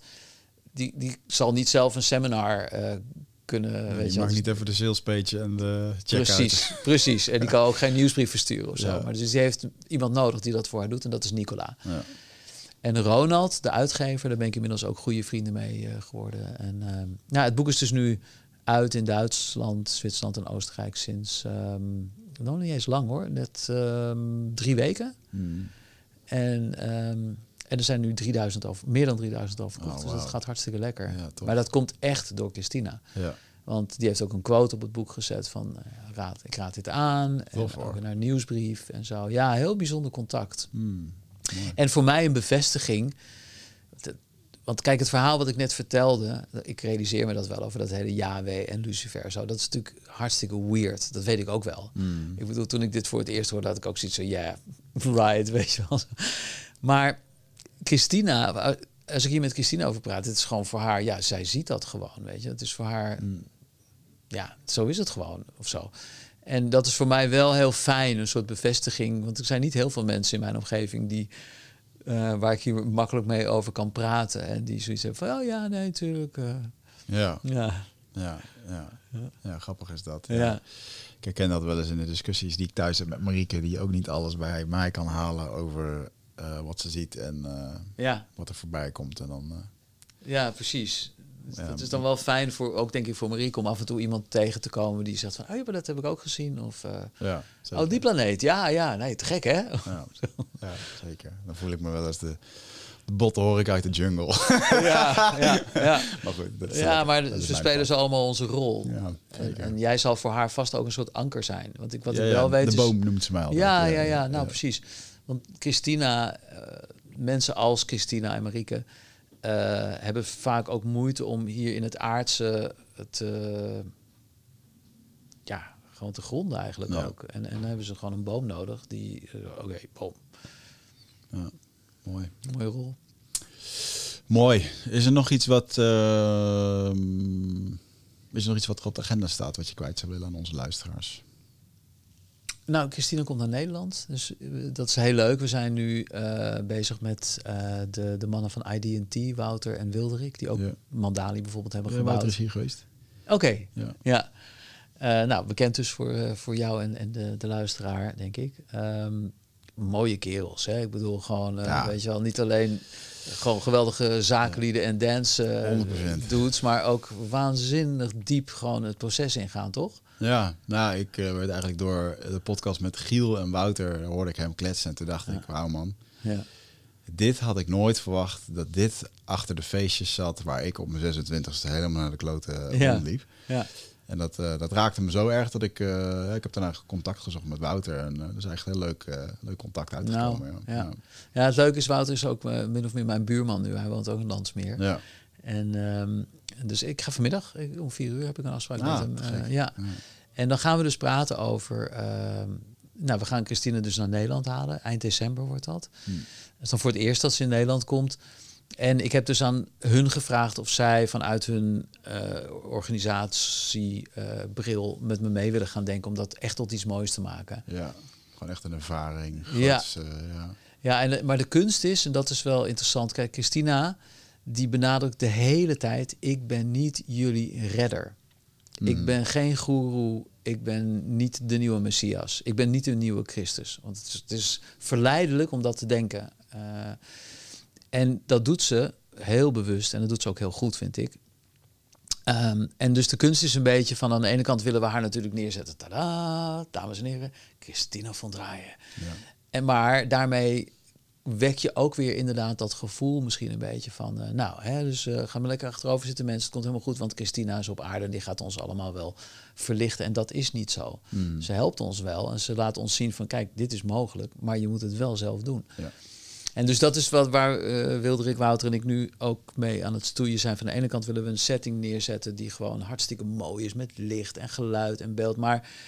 Uh, tegelijk moet het ook gewoon heel eenvoudig uh, zijn. Weet je wel? Dat is voor hun denk ik nog niet eens zo makkelijk om iets. Nee. Maar goed. Ja, ja. die Abraham Hicks was er ook gewoon binnen twee dagen uitverkocht in de. Ja. Wat was het? Uh, de Gelredome ook zeggen, maar het is de Amsterdam, de Westergas. Ja, ja. nee, daarom. Dat dus kan dat, uh, dat kan. Dus, en, en zo'n locatie die is al bijzonder van zichzelf. Ja. En, uh, ja. ja. Zit inderdaad ook te denken aan de, aan de gashouder als, als locatie. Ja. ja. Mooi man. Cool. Ja. Nieuwe boeken? Um, nee, op dit moment niet. uh, wel, ik heb wel ergens het idee, er zal ooit wel een soort Timebender 2 komen. Um, maar op dit moment is, er niet, is dat niet heel duidelijk. Waar, waar, ik wel heel veel mee bezig ben, is met muziek. Hmm. En uh, dus ik ben heel veel liedjes aan het schrijven op dit moment en ook aan het uitbrengen. En niet per se omdat ik nou weer, weet ik veel, daar een, een grote carrière voor me zie, maar wel omdat ik, ik merk dat ik wat jij ook merkt, van, uh, dat, dat je niet alles kan zeggen in de microfoon op dit moment. En muziek, dat is gewoon een soort van mijn alter ego. Weet je, die punk zit er nog steeds. Dus ik kan in, in, uh, in liedjes heb ik het gewoon over those uh, psychopaths, weet je wel. Ja. Stick your money up your ass. En dat zijn gewoon, dat zijn gewoon songteksten. Ja, in met een microfoon. Oh ja, ja dus ja, precies. Dus de psychopaths en zo. Dat, dat mm. kan ik in liedjes kan ik dat makkelijker kwijt. En um, ja, het is gewoon heel fijn om te doen. Dus liedjes. En ik ben nu ook eindelijk een meditatiecursus aan het opnemen. 20 jaar, hij gaat het doen mensen. Eindelijk, eindelijk. Dus die is denk ik over een maandje of wat is, is, zal die klaar zijn. En de reden ook waarom ik het doe is omdat ik, ik geef al, ik weet niet, 30 jaar denk ik meditatieles. En ik merk ook bij mezelf een soort sleetsheid daarin komen. ik denk hmm. van ja, ik heb dit zo vaak gedaan. Eigenlijk wil ik dit gewoon wrap it up, strikt omheen als je wil leren mediteren, althans op de manier zoals ik dat doe. Dit is de cursus. Heel veel plezier ermee. Maar ik merk dat ik ook naar. Ik, ik wil ook verder met, met andere dingen. Mooi. Ja. Ben heel benieuwd wat het gaat brengen. Ik ook. Ja, je, bent wel lekker, je bent wel lekker actief. Eh, je bent dagelijks op, op Facebook en ja. uh, Instagram, toch? Ja, ik ben dagelijks uh, vanaf eigenlijk vanaf het moment dat uh, de Wereldgezondheidsorganisatie dus aankondigde van er is een pandemie. Ik wist direct dit is niet waar. Of in ieder geval het is anders dan, hmm. dan het is. En dus vanaf die dag Ehm, en het was helemaal niet dat ik, ik ga nu de rest van mijn leven filmpjes doen. Helemaal niet. Ik dacht, ik ga gewoon nu een filmpje opnemen. Om mensen een hart onder de riem te steken. Van jongens, maak je geen zorgen. Uh, ik weet niet eens meer wat ik toen precies zei. En eh, nou, de dag daarna weer. En zo van lieverlee is dat gewoon doorgegaan. En inderdaad maak ik nog steeds. Behalve in het weekend, daar ben ik nu mee gestopt. Dus ik heb wel twee dagen vrij. En voor de rest alle dagen maak ik filmpjes. Ja, dat is heel leuk om te doen. Leuk, ja. ja. Eigen podcast, ga je dat nog een keer beginnen? Nou, zoiets zou dus in het verschiet kunnen zitten, inderdaad. Ja, ik sta helemaal open op dit. Ik, ik, probeer dus even nu ruimte te creëren door die meditatiedingen een beetje. Ja. dan. Ja, ik denk juist dat je ruimte creëert door, uh, want je eigenlijk vind ik dan zonde om te zien uit content, uh, um, content creators oogpunt. Dat je, dat je heel veel content aan het creëren bent die eigenlijk binnen twee, drie dagen weer vergeten is. Ja. Want wat jij nu het is heel lastig om terug te vinden wat jij een half jaar geleden postte over dat ene onderwerp. Ja, klopt. Maar als jij dat op YouTube gooit of op, op iTunes, dan, dan blijft dat nog altijd. Ja, ja. Dus- het staat wel op YouTube hoor. Ik heb wel, dat, dat is wel georganiseerd. Ik heb dus wel een eigen YouTube-kanaal. Okay. Alles komt daarop ook? Ja. Ah, oké. Nou, dat is al, nou, dan is dat... Ja. Sorry, ik dacht dat je alleen op Facebook live... Nee, ja, dat, okay. ik bevestig inderdaad wat jij net zei. Facebook en Instagram, dat is het ook. Maar het is ook YouTube. Ah, okay, ja. En, uh, en dat is denk ik wel heel goed. Uh, we zijn nu een, een site aan het maken. Uh, die helemaal los staat uh, van YouTube en Facebook en zo, mm. waar ook al mijn content op komt. Ja. Daar zijn we nu mee bezig. Oh ja, en wat ik wel heel leuk vind is, um, we zijn een jaar geleden denk ik met Y-Stripe begonnen. Um, en inmiddels begint dat ook echt vorm te krijgen. En Y-Stripe, dat vind ik wel heel leuk, is een, eigenlijk een platform wat bedoeld is um, als een, nou ja, om dat tribe-gevoel weer terug te krijgen. Eigenlijk mm. van um, al die mensen die nu buiten of, uh, tussen de wal en het schip dreigen te vallen, uh, doordat ze misschien geen QR-code willen of op, op hun baan kwijtraken of op, nou ja, weet ik veel, wat voor manier dan ook. Zo van jongens, bij ons ben je altijd welkom. En um, het is dus een plek waar mensen elkaar kunnen vinden. Uh, ideeën kunnen uitwisselen. Hoe, uh, hoe word je zelf-supporting? Hoe kun je een moestuin bouwen? Uh, hoe kun je energetisch misschien onafhankelijk van de grid? hoe bouw je een community? Heel praktisch. Hmm. hoe worden we weer de tribe die we zijn?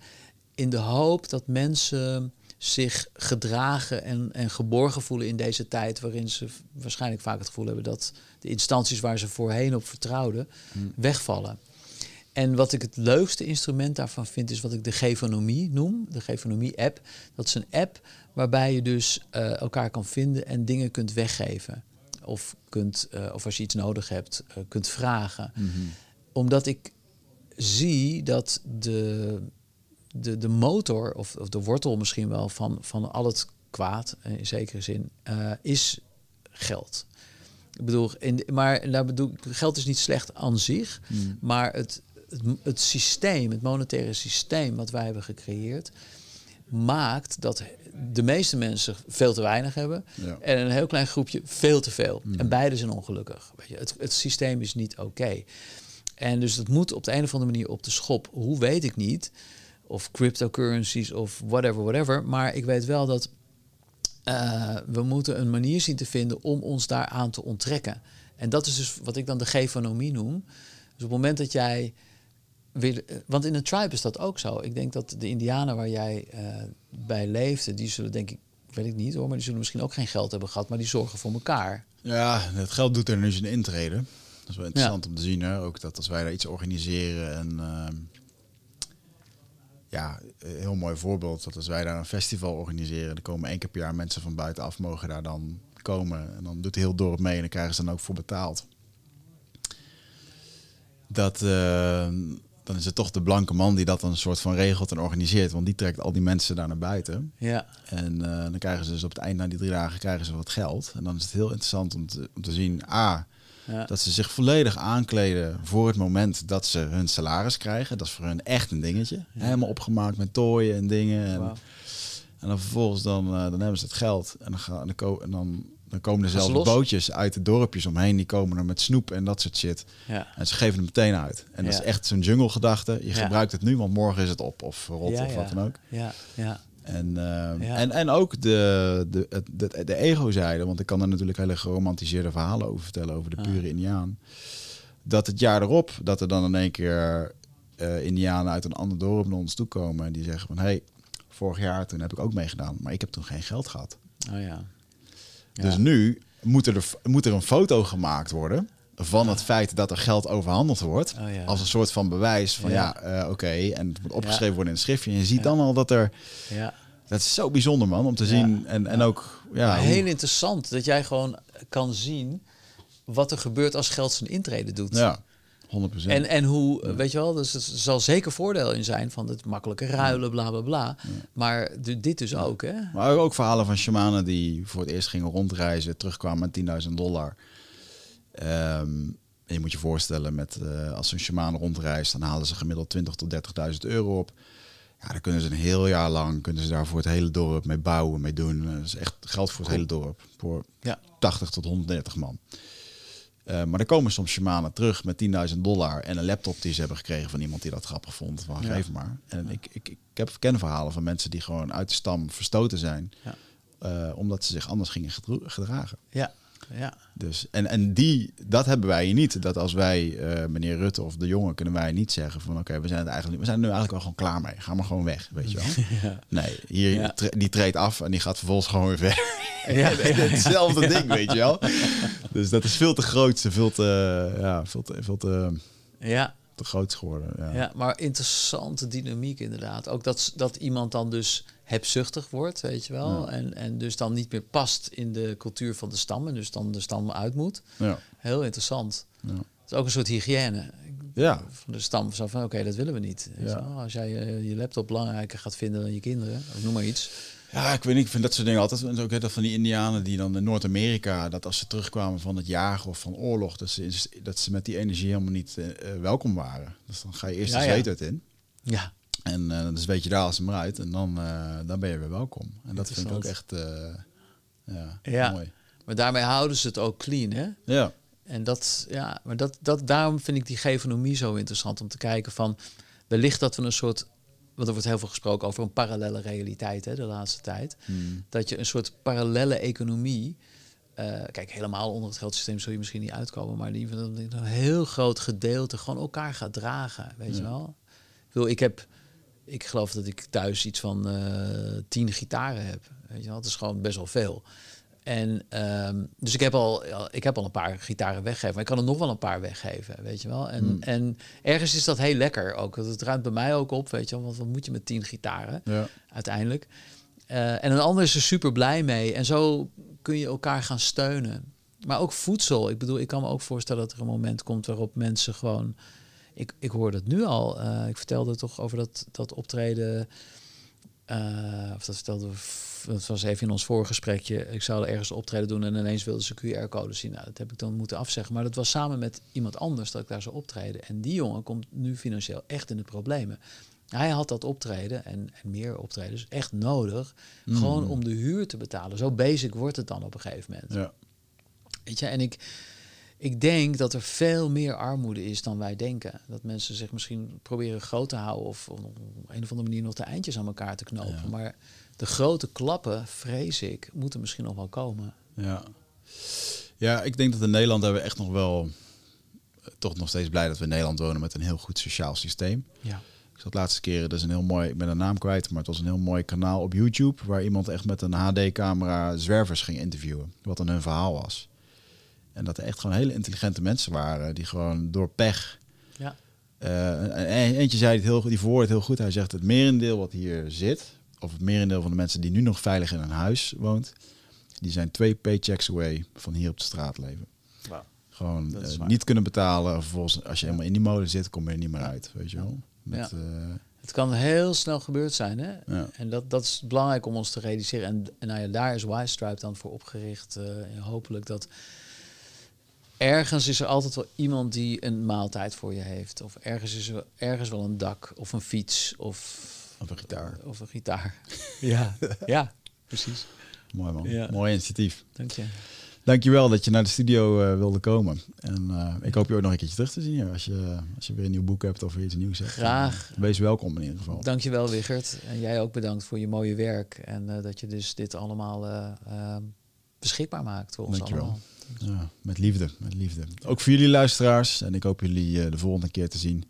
En denk eraan, niemand komt je redden.